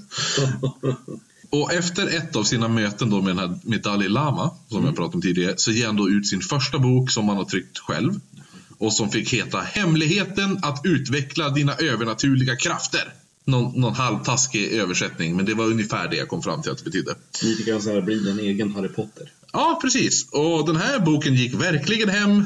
Speciellt bland lättlurade, naiva människor. Som på, typ ungefär som man ser på TV-shop, du vet. Trodde du skulle säga den här gick särskilt bra hem hos sektmedlemmarna. Ja, jag de bara "Ah, skitbra. Det finns en bokhandel i lilla community. Det finns en bok. Nej men då, den här, det är som alltså, hemma hos vanligt folk i, i stugan, typ som TV-shop. Den här, är du trött på att inte kunna läsa din grannes tankar? Ja, då har vi boken för dig. Typ. Ja. Lite så. Ehm, Och ringer inom eh, fem minuter så skickar vi med den här fantastiska buddha-statyn. Som leviterar kan du, medan du sover. är du less på att inte kunna spå framtiden? Köp Shoko Hasaharas bok. Um, självhjälpsbok typ. Ja. Eh, men, men ett annat sätt också för att få in mer medlemmar var att skicka ut typ rekryterare eh, som kunde fråga folk om de har varit med om något övernaturligt i deras liv. Typ lite eh, japanska, vad, var det du sa? Pling plong. Ja, eh, som att, att eh, skicka ut dem, knacka på och så bara hej. Jag vill bara fråga, har du varit med om något övernaturligt i ditt liv? Och då bara, ja, ja, det har jag väl typ. Hade någon kommit och knackat på och frågat mig det, då hade jag trott att de drivit med mig. Jag bara, jo. och då, ja men vet du vad de svarade då? Mm. Men eh, det är förmodligen för att du är spirituellt förmögen. Eller att du var väldigt lärd i ditt förra liv. Och om du bara anslöt till Aum Shinrikyo, ja, då kan vi träna upp ditt andliga jag. Och de bara, kunnat köpa. och de bara, ja, visst. Man you flatter them. Ja, ja. Du var jävligt bright. Ja, men det är, ja exakt. Det är, bara, det, du, det är något speciellt med dig. För det är det som, som du sa där, att få folk, i början av avsnittet sa ju det, att få medlemmarna att anse sig själv som en elit. Ja. Ja, det är väl lite det tänket också. Ja, säg att du är speciell. Ja. Säg att du, men, och vi kan få dig, du, kom till oss, där är de andra som också är som du. Tänk att han går runt där tjock och bara här, Vitsu Herato, han var Da Vinci i sitt tidigare liv. Mm. Och här borta har vi ju Frankenstein. jo, men för, det var, ja, för det var ju det han sa också, för han kunde ju minnas andras tidigare liv. Ja, det är Ja. coolt. Jo, det är ju Jag minns att jag mötte dig i mitt tidigare liv. Du var en jävligt smart vetenskapsman. Jag gillar, att Choco är dansk. vad, vad var det jag uppfann? Du uppfann ett takeskåp på 1500-talet. yeah. Yeah. det, vi kommer, eh, jag, jag måste bara på förvarna, Choka Sahara kommer uppfinna sin egen mikro. Choco. Ja, Chokomikron. Eh, men nu börjar ju som sagt pengarna rulla in som satan. För nu är det fler och fler personer ansöker sig och Asahara börjar göra såna här själsliga rensningar och hilande meditationer och besvärjelser som i sin tur eh, ger väldigt tur i spel. Speciellt i det här uh, Mahjong, eller vad fan det heter. Mahjong? Ma- ja, precis. Jag har Mahjong-spel. Ja, Jaha, det var det? Ja, jo, vi kan spela sen. Ja, då får du lära mig. Nej, jag kan inte. Nej. Jag hade hoppats att du kunde. Men jag, jag måste kolla, är det där när det är brickor som Ja. ligger som ett... Som ett eh, Ja, men murar man ska bryta sig igenom. Ja, men precis. Ja, men då, jag tror jag hade det på... Östaminnen och eh, fyraårstiderna och... Ja, exakt, exakt. Ja, men då, då, jo, men det kan jag. Men då, det, jag tror man, det måste finnas speciella startpositioner. Jo, jo. Ja. Ehm, men i alla fall, var, varje sånt här besök kostade ungefär 3000 kronor. Och han bara, du cleansed. Han la ju bara ibland, här, du vet man lägger handen i pannan. Och sådana där saker.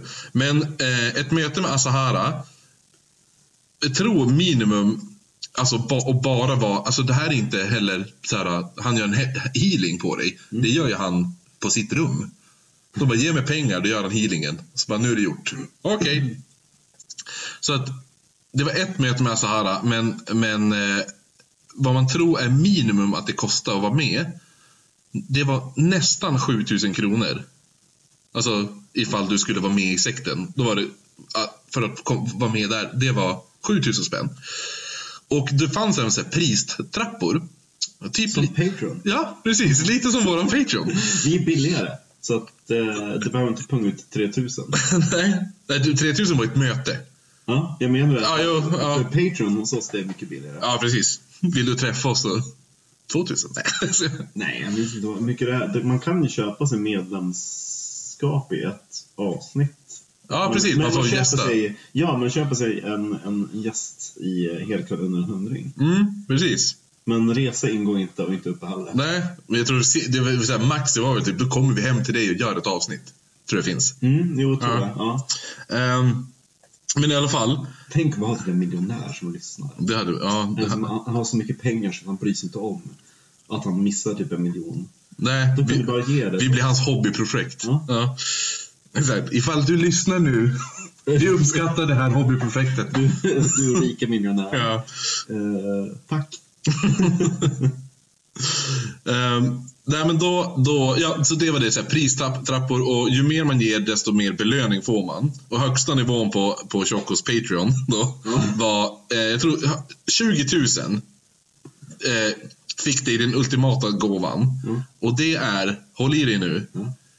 7 till 8 liter av eh, Chocos använda badvatten. Jävlar. Oh, gud. Det får du av, för 20 papp. Så att, ska vi lägga... Badvatten. Ja, ska vi lägga upp det på vår Patreon? Ehm, Men du kan även betala upp mot typ 100 000 kronor för då invigningsritualer där man drack vad som eh, sades vara eh, Chocos blod. Vilket det förmodligen var också. För att, eh, det skulle dels ge mag magiska krafter, men det var lite också att Choco Sahara hade en teori, han hade ett mål om att alla medlemmar successivt skulle bli en del av honom. Att han skulle ha, en, ha som kloner av sig själv i alla. Ungefär, själsliga kloner nästan. Uh. Mm. Så att eh, en annan rit eh, som ger dig magiska krafter var att eh, dricka te som då var bryggt på Chocos hår. Eh, var på kroppen har jag inte lyckats ta reda på. Och det var ju då för, för att bli mer som han då. Jag tror det var typ hans piss. Ja, nej, brygga te gjort på hans hår. Och som sagt, den där bilden. Jag hade ju hellre tagit håret från den tecknade bilden än den otecknade bilden. Han ser inte Tänk fräsch ut. hade kammat sig så. Ah, ja, men hår är ju så jävla äckligt också. Det är någonting med så här, en, ett hårstrå i mat. Alltså, uh. Tänk, det, är lite, det, är något japanskt med det där. Det är som The Grudge när de drar ut hår i käften. Och The Ring när jävla hon De Samara. gillar hår. Ja, svart långt jävla äckelhår. Det ska vara ett kort fräscht hår. Exakt. Kort, Blont. kort och fräscht blond. Det ska vara väldigt ariskt håret. Nej. Men, men, ja precis. Så man betalade då mycket, mycket pengar för att alltså, det var så här, vägen in till den inre kretsen då. Så ju mer pengar desto närmare kommer du den inre kretsen. Typ som ett så här hemligt sällskap lite. Kan jag tänka mig. Jo. Där man så här, varje mer blir... Lite som i Eh, helvetet. Ja, jo precis. Ja, exakt. Olika. Dantes Inferno. Ehm, jo, och då den här varje nivå är också att du blir lite mer gudomlig och lite bättre än alla andra också. Men också det här att tankesättet med rangordningssystem. Alltså att jag är på den här nivån och du är på en lägre nivå, då måste du, alltså, då är jag lite bättre än dig. Känns också väldigt japanskt. Det här med att alltid se upp till den äldre. Jo, men är det inte lite grann så att de har jätteproblem när det kommer turister och de ska hälsa på dem? För de vet inte hur de ska hälsa. Mm. De vet inte vilken social stege de är på. Ja, jo men också det här att typ, och man ifrågasätter aldrig någon som är högre rankad än dig själv. Det är jättehemskt. Jo, att typ, ifall, men det är väl så här, på ett jobb, Ja. då är det någon som bara har en högre titel än, än på jobbet. Då, ifall han hittar på något dumt, då kan man inte ifrågasätta det. För att det är ju det är som att ifrågasätta, alltså det är så jävla ohederligt, eller vad man ska säga. Det är inte bra. Det är fult, lite så. Eller så är det här bara min stereotypbild av japaner. Nej, men det, det är nog lite grann så för... Eh, den öppnade ju Ikea i Indien ganska nyligen. Ja, Och de hade ju lite problem då. med våldtäkter. Det har jag Nej. hört är ett problem i Indien. Nej, utan det är det att Ikea vill ju verkligen så här... De promotar ju väldigt mycket jämställdhet och Ja. människors lika värde. De, de fixar ju alltid Pride-flaggan och sådana saker. Och då, då hade de ju jättestort problem med att de ville hitta en bra balans mellan män och kvinnor i alla chefspositioner och Ja. Men vissa vill inte ta order från en kvinna som är högre upp i rang. Så de Jaha. hade ju verkligen så här mycket problem med att ja, men vi måste nog skeppa dit lite svenskar. Okej. liksom så här, komma och- Läxa upp dem. Ja men alltså bara det här är, det här är vad IKEA står för och det här är liksom våra värderingar och det är här vi strävar efter. Och står ni bakom den kan inte ni jobba här. Jaha, ja, men det var ju bra. Jo men jag menar att det, det är den Är det inte, utmaningen. ja, är det inte Indien eller var det i Pakistan där de typ ifall någon inte betalt skatt eller något sånt där så skickar de ut Drag drag queens. drag queens. Namn på QI. ja, jo, det är så himla skoj. Då häcklar, hänger de kring eh, vad heter det nu, affären eller ifall det är något sånt. häng-. Ja, exakt. Skicka ut drag queens för, för det, är så, det är så himla skamfullt att det skulle finnas. Eller visst är det? det är så, Ja, det är, ja man, man liksom här, them to pay. Ja, jo precis. Ändå nice ju. Lite hemskt att det är på det, det synsättet, men nice att man kan utnyttja det. Ja, det är bara, men kom in raring. ja, exakt. Ja, Kom och spill the beans. ja, exakt. Pour some tea. Ja. Ja. Alltså de där pengarna som jag lånar är alltså gud. Jag ska bara veta vad jag köpte för dem. Rent boys. Jags. Ja, gigs. 15-året. Man hör från källan. Kommer du snart? Jo, men precis det här att man, inte, man ifrågasätter alltså inte eh, den som är en högre klass än dig. Och längst upp har vi ju Choco. Han sitter ju där, så det går inte att ifrågasätta vad han gör. Potatis. Ja, exakt. Vill du gå till godisbutiken? Jag följer dig. Kom lilla lärling. Ja, vi går. Tack sensei. Um, men och då ville man ha en privat meditations-session med, Choco. eh, ja precis, som ofta bestod av att dricka te med Choco. Eh, Av Choco. ja, ja, och utan att man visste det så var det spetsat med LSD. Eh, och då fan tror man att, tänk dig då att sitta mitt emot den där lilla japanska tomten. Och det är väl klart man trodde han hade magiska krafter. Han bara, jag dricker det här teet. Jag dricker tillsammans. Dricker de bara, ja okej visst, te så här. Sen bara, wow! Så ser man bara alla, oh vad händer nu? Han bara, just det. så att nu blir det mer, mer, mer, alltså det kommer inte pumpas in pengar här. Så efter det flödar in pengar, vad är det då det logiska sättet att göra? Eller logiskt. Ja, precis. Eller i det här fallet bygga upp eller så här, eh, slott. Ja, ungefär ett isolerat samhälle. Vilket han då gör pö om pö i närheten av Mount Fuji. Ja, men det är väl typ ett eget berg. Det? Mm. Ja. Så han bygger ju upp ett litet så här compound eller så här, ett samhälle typ. Eh, och det man måste komma ihåg också det här, för att man tänker ju bara, nu har han så himla mycket pengar, att man tänker att åh, då lever han i lyx och alla andra i misär. Men han gjorde inte det, han levde inte i lyx, han levde liksom som dem. Alla var bara smutsiga där borta. Typ. Det tror jag. Den dricker te, bryggt på hår och... Ja, Och alla är hög på LSD hela tiden. Eh, så han levde alltså då som smutsiga, alla smutsiga medlemmar gjorde utan materiella ting. Eh, för han ansåg att eh, personlig hygien även var fåfänga. Men samtidigt ska vi ha snygga tjejer som de lockar till sektmedlemmar. Ja, jo alltså. Någon måtta får det vara. Ehm, Killarna, nej, ni behöver inte fatta det. Tjejerna rakar under ni vet vad och så syns vi på torsdag. Ja, jo, jo. Det, och det, det är mycket sånt i den här, det ska du veta. Eh, men men eh, det, var, det, var, man, det var inte välkommet, men man badade vid behov. Var speciellt ofta, alltså en gång i veckan ungefär tror jag det var. Eh, skulle man bada då. Och grejen är att om jag badar, då måste jag ta en dusch efteråt. Alltså om jag badar i ett bad, alltså Du tänker dig, du själv, inte i, i sekten? Ja, då hade jag typ, jo men då hade jag skrubbat tills jag blödde ifall jag var Jo, men i sekten. när du, när du tar bad... Ja, hemma hos mig. Jag har ju ett bad. duschar. Ja, efter, ja, efter jag har badat. För det är lite som att ligga och plaska i sin egen smuts. Jo, men det är ju det. Ja. Man blir inte ren. Nej. Jo, men lite grann blir man ju ren, men man måste fortfarande skölja av sig med rent vatten. Ja, precis. Det är det jag menar.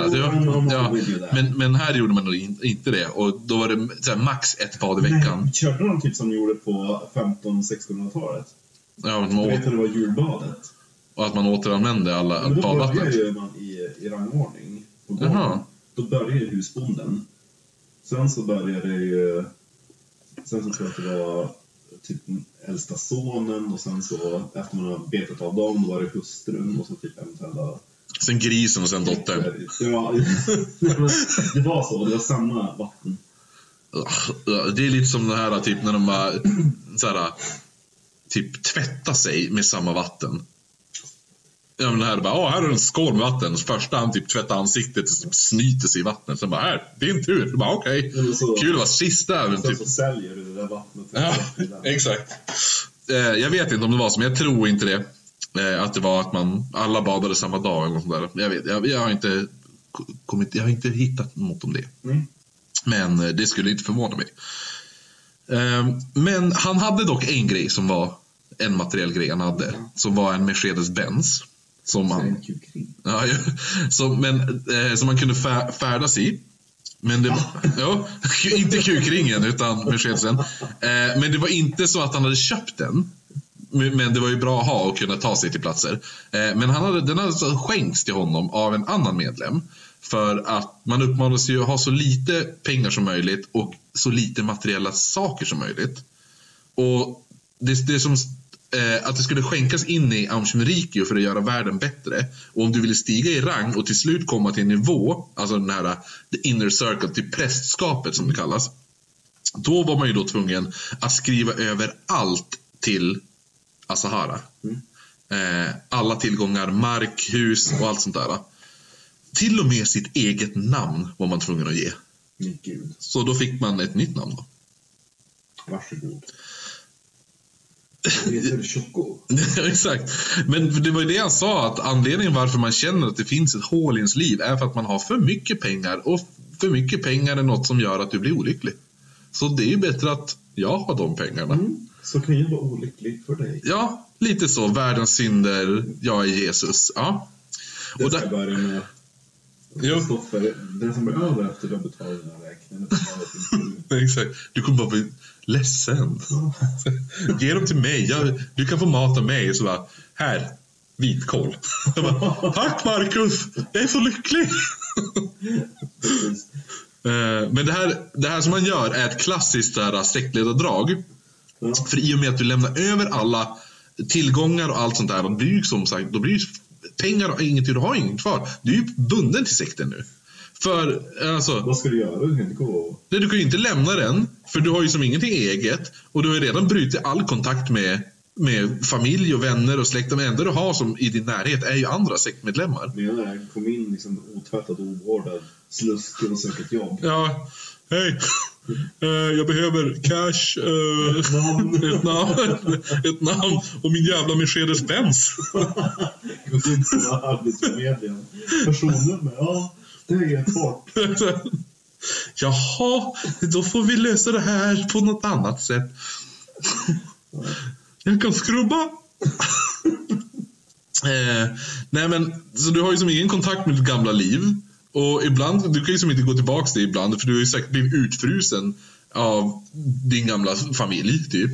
Eller, ja, och så blir du nu utfrusen då, ifall du skulle lämna blir det av sekten.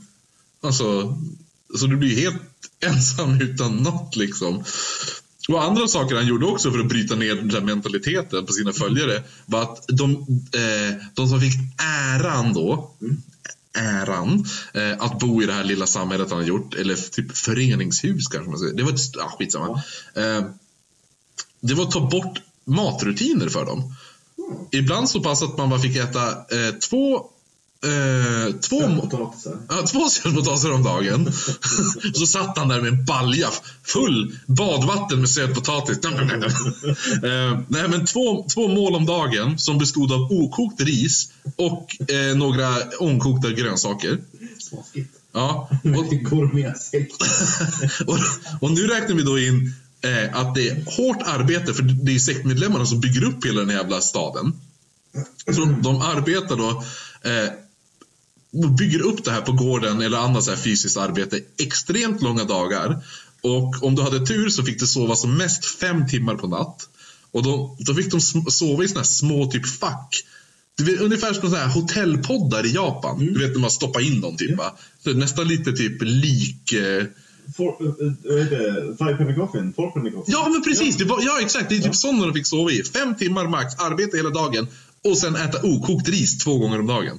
Ja. Eh, och det här var då standardmedlemmar. För sen, alltså det var som arbetarklassen, vad ska man säga. För sen kom man upp till nivå med prästskapet. Då fick man lite bättre. Nej, fick tre timmar sömn per natt och ett mål om dagen. Men gud. Mm. Eh, Det uppmuntrar ju att verkligen betala mer.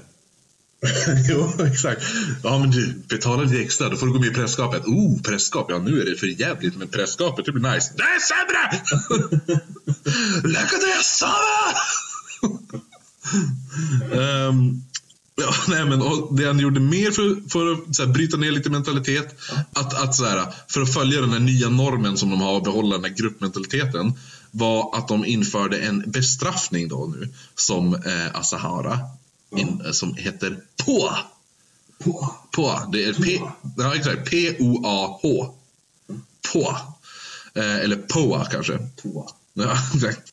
Jo, nej men för det här är någonting som man gör typ när folk kommer och typ är lite lata och sådana där saker och ifrågasätter.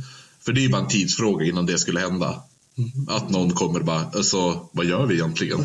Ja, ehm, Du, alltså, jag är så jävla förstoppad på OK.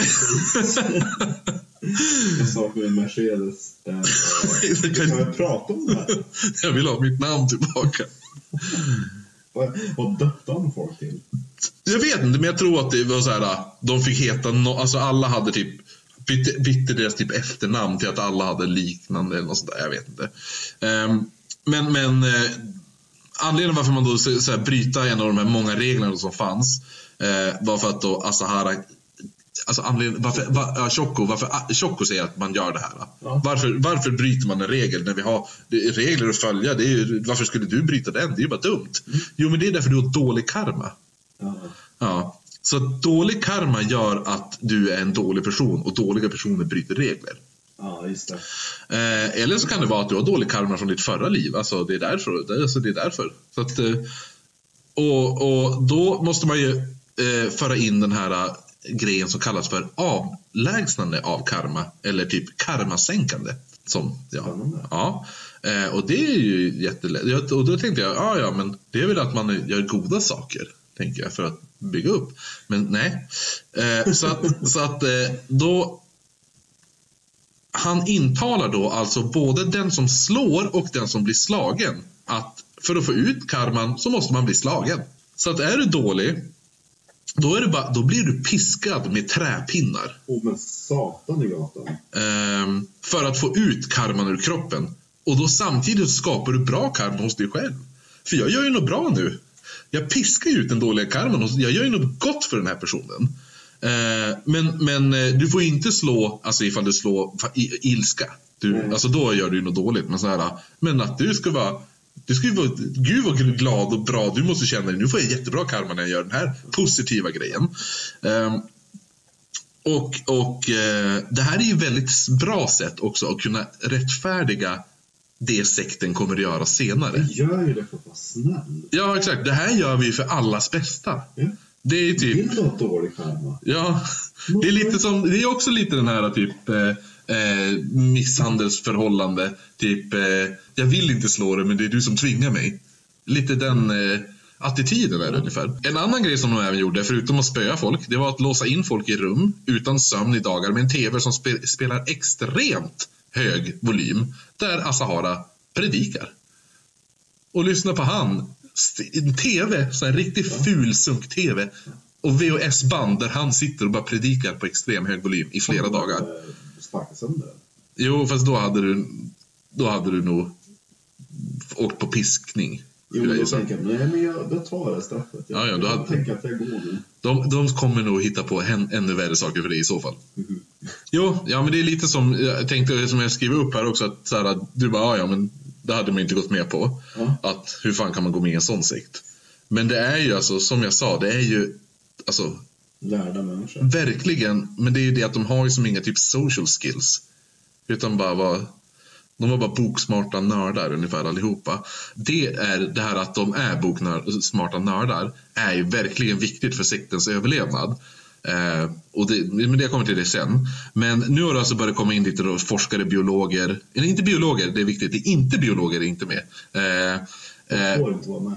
Ja, fast de hade nog velat ha det, men de fick inga. Eh, men psykologer och annat sånt där. Lite, lite random.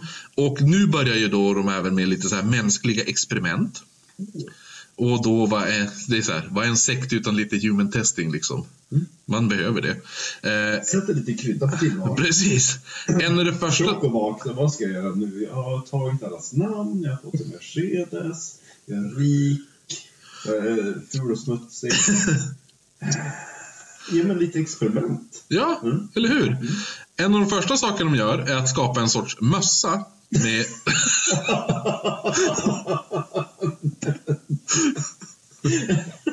Eh, ja, med elektroder som kallades för PSI och står för Perfect Salvation In- Initiation. Där man då i ett förs- sorts försök att klona Sahara, att klona hans hjärnvågor till andra medlemmar så att de ska få samma tankesätt och inte hålla på att bryta regler. Eh, men det som egentligen hände var att medlemmarna som bar den här mössan eh, någon gång varannan minut fick 6 volts elchock in i hjärnan. Eh, och barnen klarade sig med 3 volt. För det finns ingen, som sagt, det är inga, ingen åldersbegränsning på, på eh, bestraffningarna. Det. Och mössan, ska vi se om jag hittar den, såg ut så här. Och är det han själv som provar den där på visat? Jo, han, han har ju en mössa på sig och, för han ska överföra sina hjärnvågor. Som jävla mupp. Ehm, Gud vad ful han är. ja, han är inte vacker. Som sagt, barn får 3 volt för att det finns ingen... Det blev ju ändå lite sån här, lite så här Ja, jo precis. Men, jo, men det är det som är grejen med, bara, ja, men är det barn där också? Ja, för att det är inte bara vuxna som är där och ungdomar utan det är så här, människor ansluter dit, de tar ju dit hela sin familj. Mm. Eh, så det är oerhört många familjer här och familjer finns det ju mycket barn om. Eh, och barn har ju väldigt svårt för regler. Det vet jag mycket väl. Jag sympatiserar med Emils pappa Anton Svensson i Katthult varje dag. Eh, och bestraffningarna hade ju ingen åldersgräns som sagt. Så med inspärrningen i det här, det här pred, predikande rummet, eller vad man ska säga, de såg ju väldigt många barn under åren. Och eftersom familjer har en tendens att skapa sin egen så liten gemenskap. Alltså ehm, inom sekten så beslu- eh, alltså att du, du är i sekten men är du en familj så är du fortfarande familj i sekten. Eh, så Choco eh, beslöt sig då att hålla kvinnor och män separat.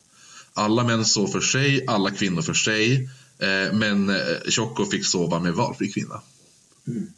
Eh, 100% rimligt. För han hade även en typ sexualinvikningsrit, ska man kanske kalla det. Där han eh, kunde ligga med en ny medlem om man ville. Och det var ju för oftast typ fullbordade våldtäkter. Ja. Ja. Fast de ville väl ju väldigt... ja, fast jag tror inte det var det du tänkte när du kom till sekten.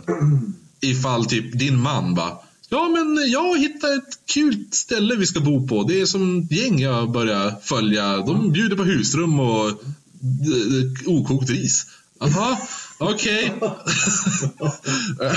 ja, ja, jag följer med. Sen kom du dit och så bara, ja men du, nu ska ju du ha möte med Choco. Va? Vem? Jaha, okej, kommer han in där, då sitter han där så tar han av sig sina lila kläder.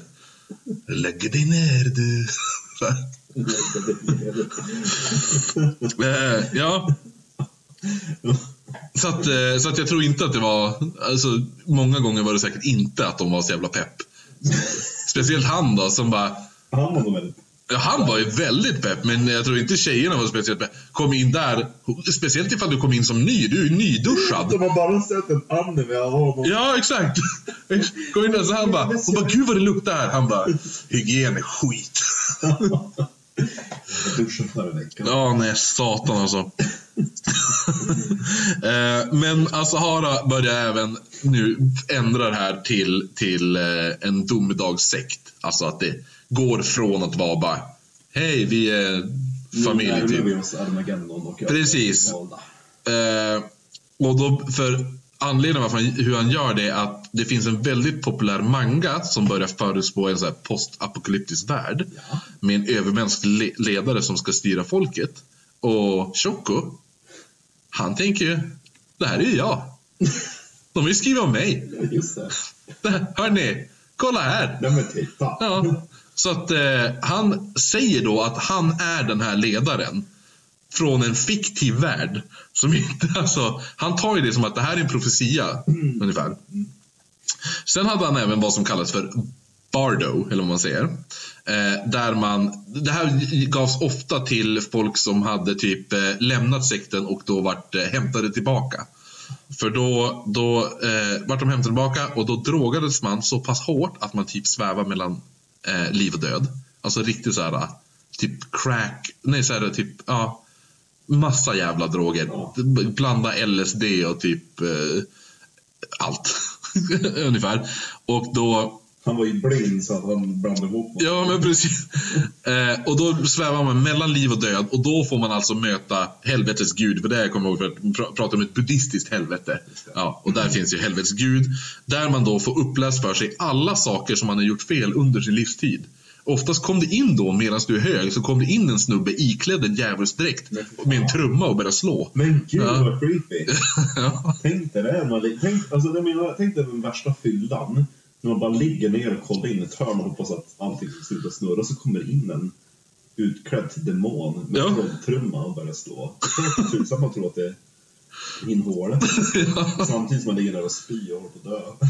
Så att det börjar ju komma massa personer som bara eh, Nej, den här sekten kanske inte är något för mig ändå. Alltså det börjar ju hända mer och mer.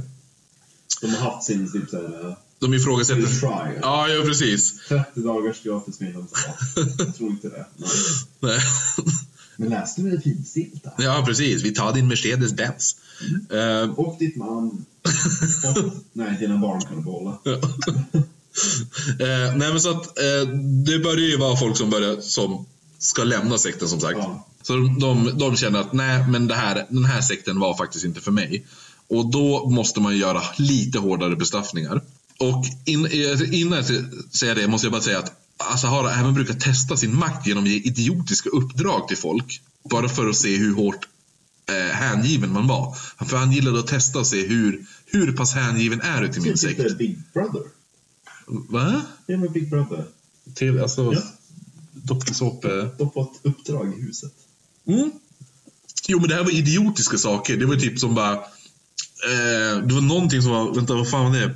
Jag tar fram en egen personlig gravitation till honom. Och då, ja, och då bara, det vill jag ha. Och då ifall någon bara, eh, nej, det är dumt jag, dummaste jag hört.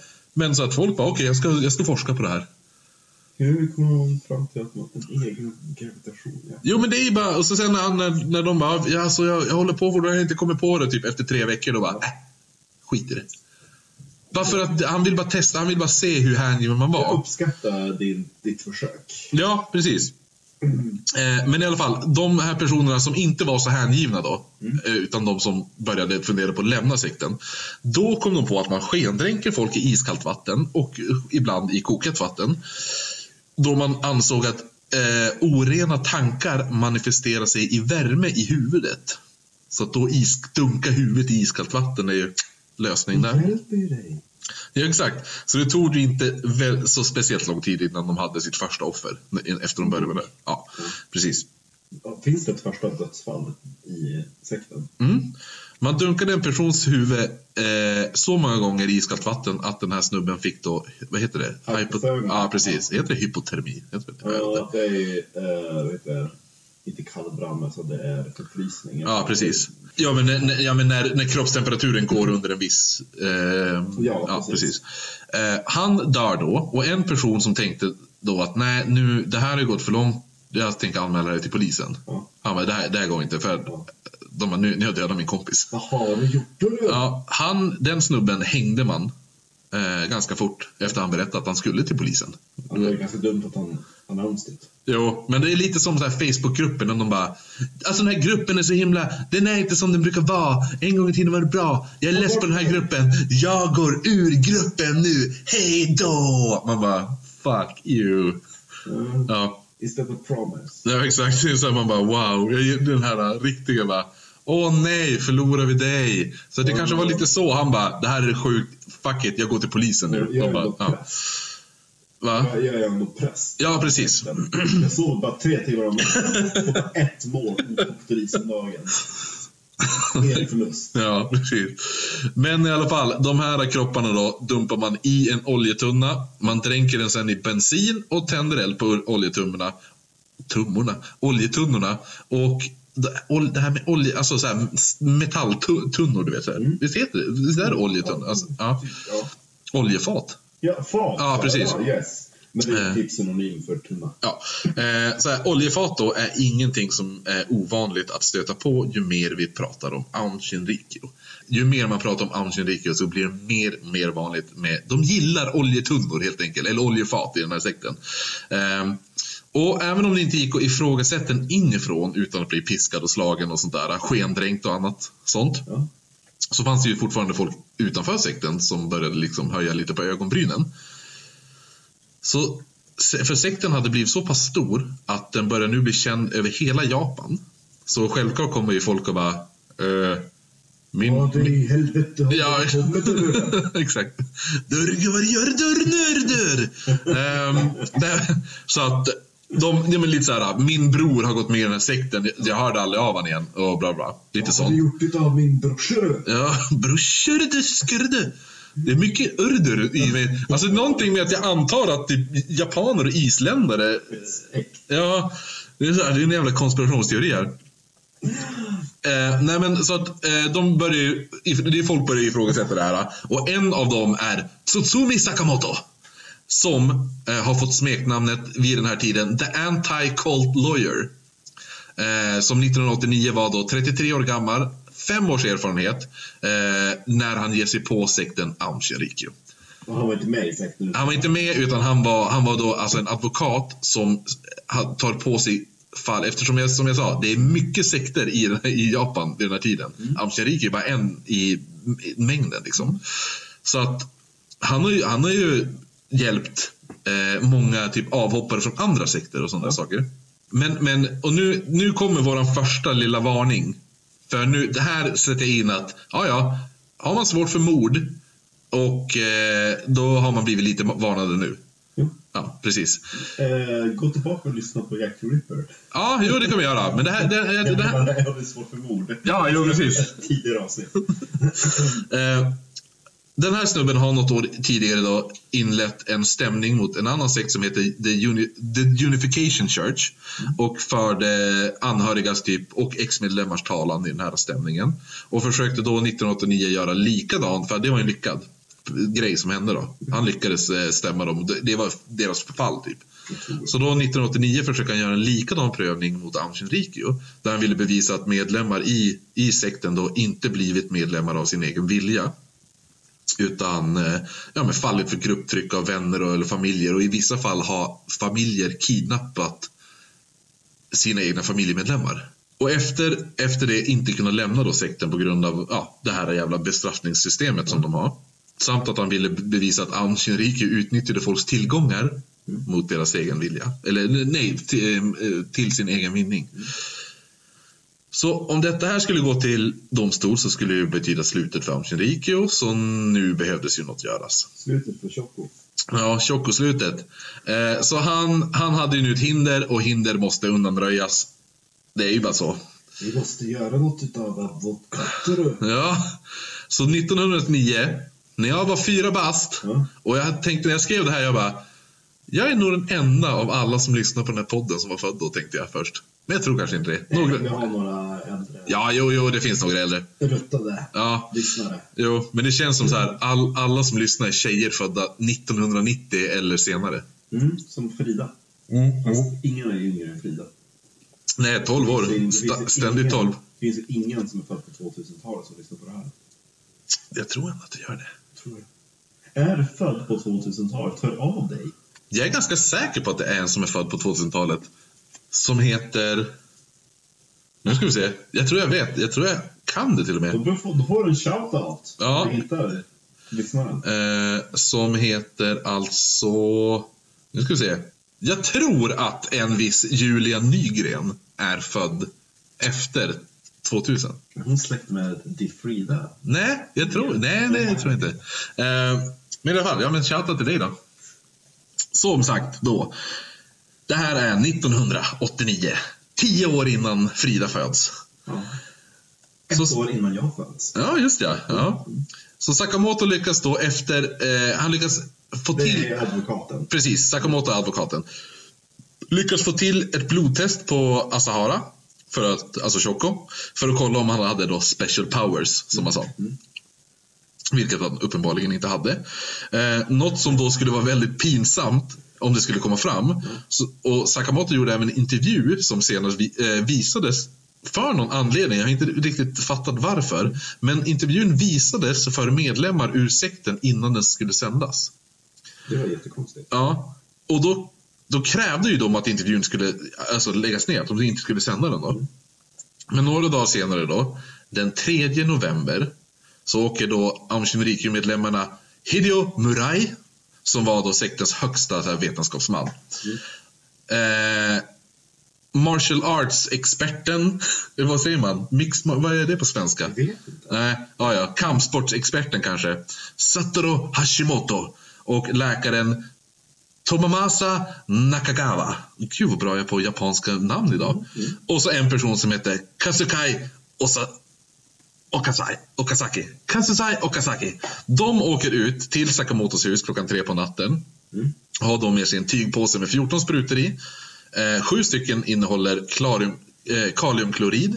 De har även rep och eh, massa, några hammare och en påk. Eh, tanken var ju först att de skulle åka ut eh, och kidnappa Sakamoto på en, eh, perrongen där han kliver av tåget eh, på, till och på väg till jobbet. Eh, men saken var ju då att det var en högtidsdag den här dagen så han dök aldrig upp för att jobbet var stängt. Vart är det? Ja, de svarta står där med deras tygpåse. Va? Snart, snart kommer han! Snart kommer han! Ehm, men, och det här är, grejen är det, den här sekten är lite kling och klangig. Eh, de, är väl, de är inte så jävla duktiga på saker och ting. Alltså de gör ju saker, men utförandet är alltid lite klumpigt. Helt som de där dödgröna. Ja, men jo, precis. Ja, exakt. De, här, de som jobbar på sjukhuset. Ja. Jo, jo, men det är lite som att de startar en sekt. Detta inte liken. Nej. Okej. Men istället så då, efter de här kom, de bara, "Ah, ja men vi har ju då, då åker de alltså ut till Sakamoto. Där han bor tillsammans med sin fru, eh, hans 29, 29-åriga fru Satoko Satomoto. Eh, som ligger och sover. Samt deras eh, 14 månaders son Tatsuchiko Sakamoto. Eh, gruppen smyger så in i en öppen dörr, men för oklar anledning så väcks då barnet. Ja. Eh, Barn vaknar upp ingenting. Ja, precis. Och gruppen får då panik. Så när Sakamoto, alltså mannen, Oj, vad ska vi göra då? ja, när han vaknar, pappan, Ja. vaknar ju upp av att sonen gråter så han bara, "Ja, men jag går in till hans rum för att kolla vad det är. Då finner alltså eh, sektmedlemmarna hålla på att kväva den här 14 månader gamla pojken med en tygbit samtidigt som de injicerar honom med kaliumklorid. Sakamoto blir nedbrottad på golvet, sen blir han slagen i huvudet med en hammare. Hans fru eh, blir även misshandlad och båda Eh, så att de i princip nästan är död men de dör inte riktigt utan de blir även injicerade med kaliumklorid. Men Sakamoto kämpar fortfarande så de stryper han till slut till döds. De placerar sedan kropparna i separata oljefat som de dumpar i tre olika distrikt i Japan. Och innan de gör det så slår de även ut tänderna på liken för att Svårare. Ja, precis. Innan DNA, typ, tror jag. No, Just no, jag vet inte fan när DNA-grejerna hände. Men ja, det är 89 i alla fall. I Japan kanske senare. Exakt, de, de har inte ställt nu. Eh, Men ja, precis, för att inte kunna identifiera. Och så de, de dumpar ju i tre olika distrikt, så det är tre olika polisdistrikt också. Som Jeffrey Ripper har på med. Ja, så att man kan inte, så att poliserna samarbetar, nej, de samarbetar ju inte ihop. Ehm, Men det dyker upp tre kroppar i tre oljefat. Ja, fast de här kropparna, tu- tunnorna hittas inte förrän eh, erkännandet av morden 1995. Va? Mm. Så lång tid? Ja. Men gud. Och det är för att de, det, är- det, det är när den här sekten, alltså när de börjar arrestera folk, alltså efter terrorattentaten. Ja. Då arresterar de och då kommer det här fram. Eh, även om folk har liksom, eh, ja men det är, även om, så här, folk har ändå typ listat ut lite, många som har forskat och andra advokater har ju som gissat att det är lite de som ligger bakom det här. Och jag tänker att, ja, är det här ett bra avslut? Eller? Jo, de har börjat eskalera. De har börjat mörda. Precis. Vad kommer härnäst? Ja, det får vi, det får vi höra. Nästa vecka? Precis, så att nu får fan folk vara nöjd med sekterna. Jag Att det menar blir... det. Ni har tjatat om sex. Ja, exakt, nu tjata tjata om sekter, nu får ni fucking två avsnitt. Ja. Långa avsnitt också. Precis, så det, vad har vi kommit fram till ikväll? Choco gillar bada. Nej, han gillar inte att bada, men när han väl gör det, då säljer han vattnet. Eh, vi, har, vi har sett anime-filmen, introt där. Och eh, vi har kommit till morddelen. Ja. Men så att nästa vecka så tar vi avslutet på den här. Där vi kommer att prata lite. Jag kommer berätta lite om den här gigantiska mikron. Eh, som är väldigt trevlig. Och Han då... insåg att man kan börja tillaga ris. Precis. Riskokare.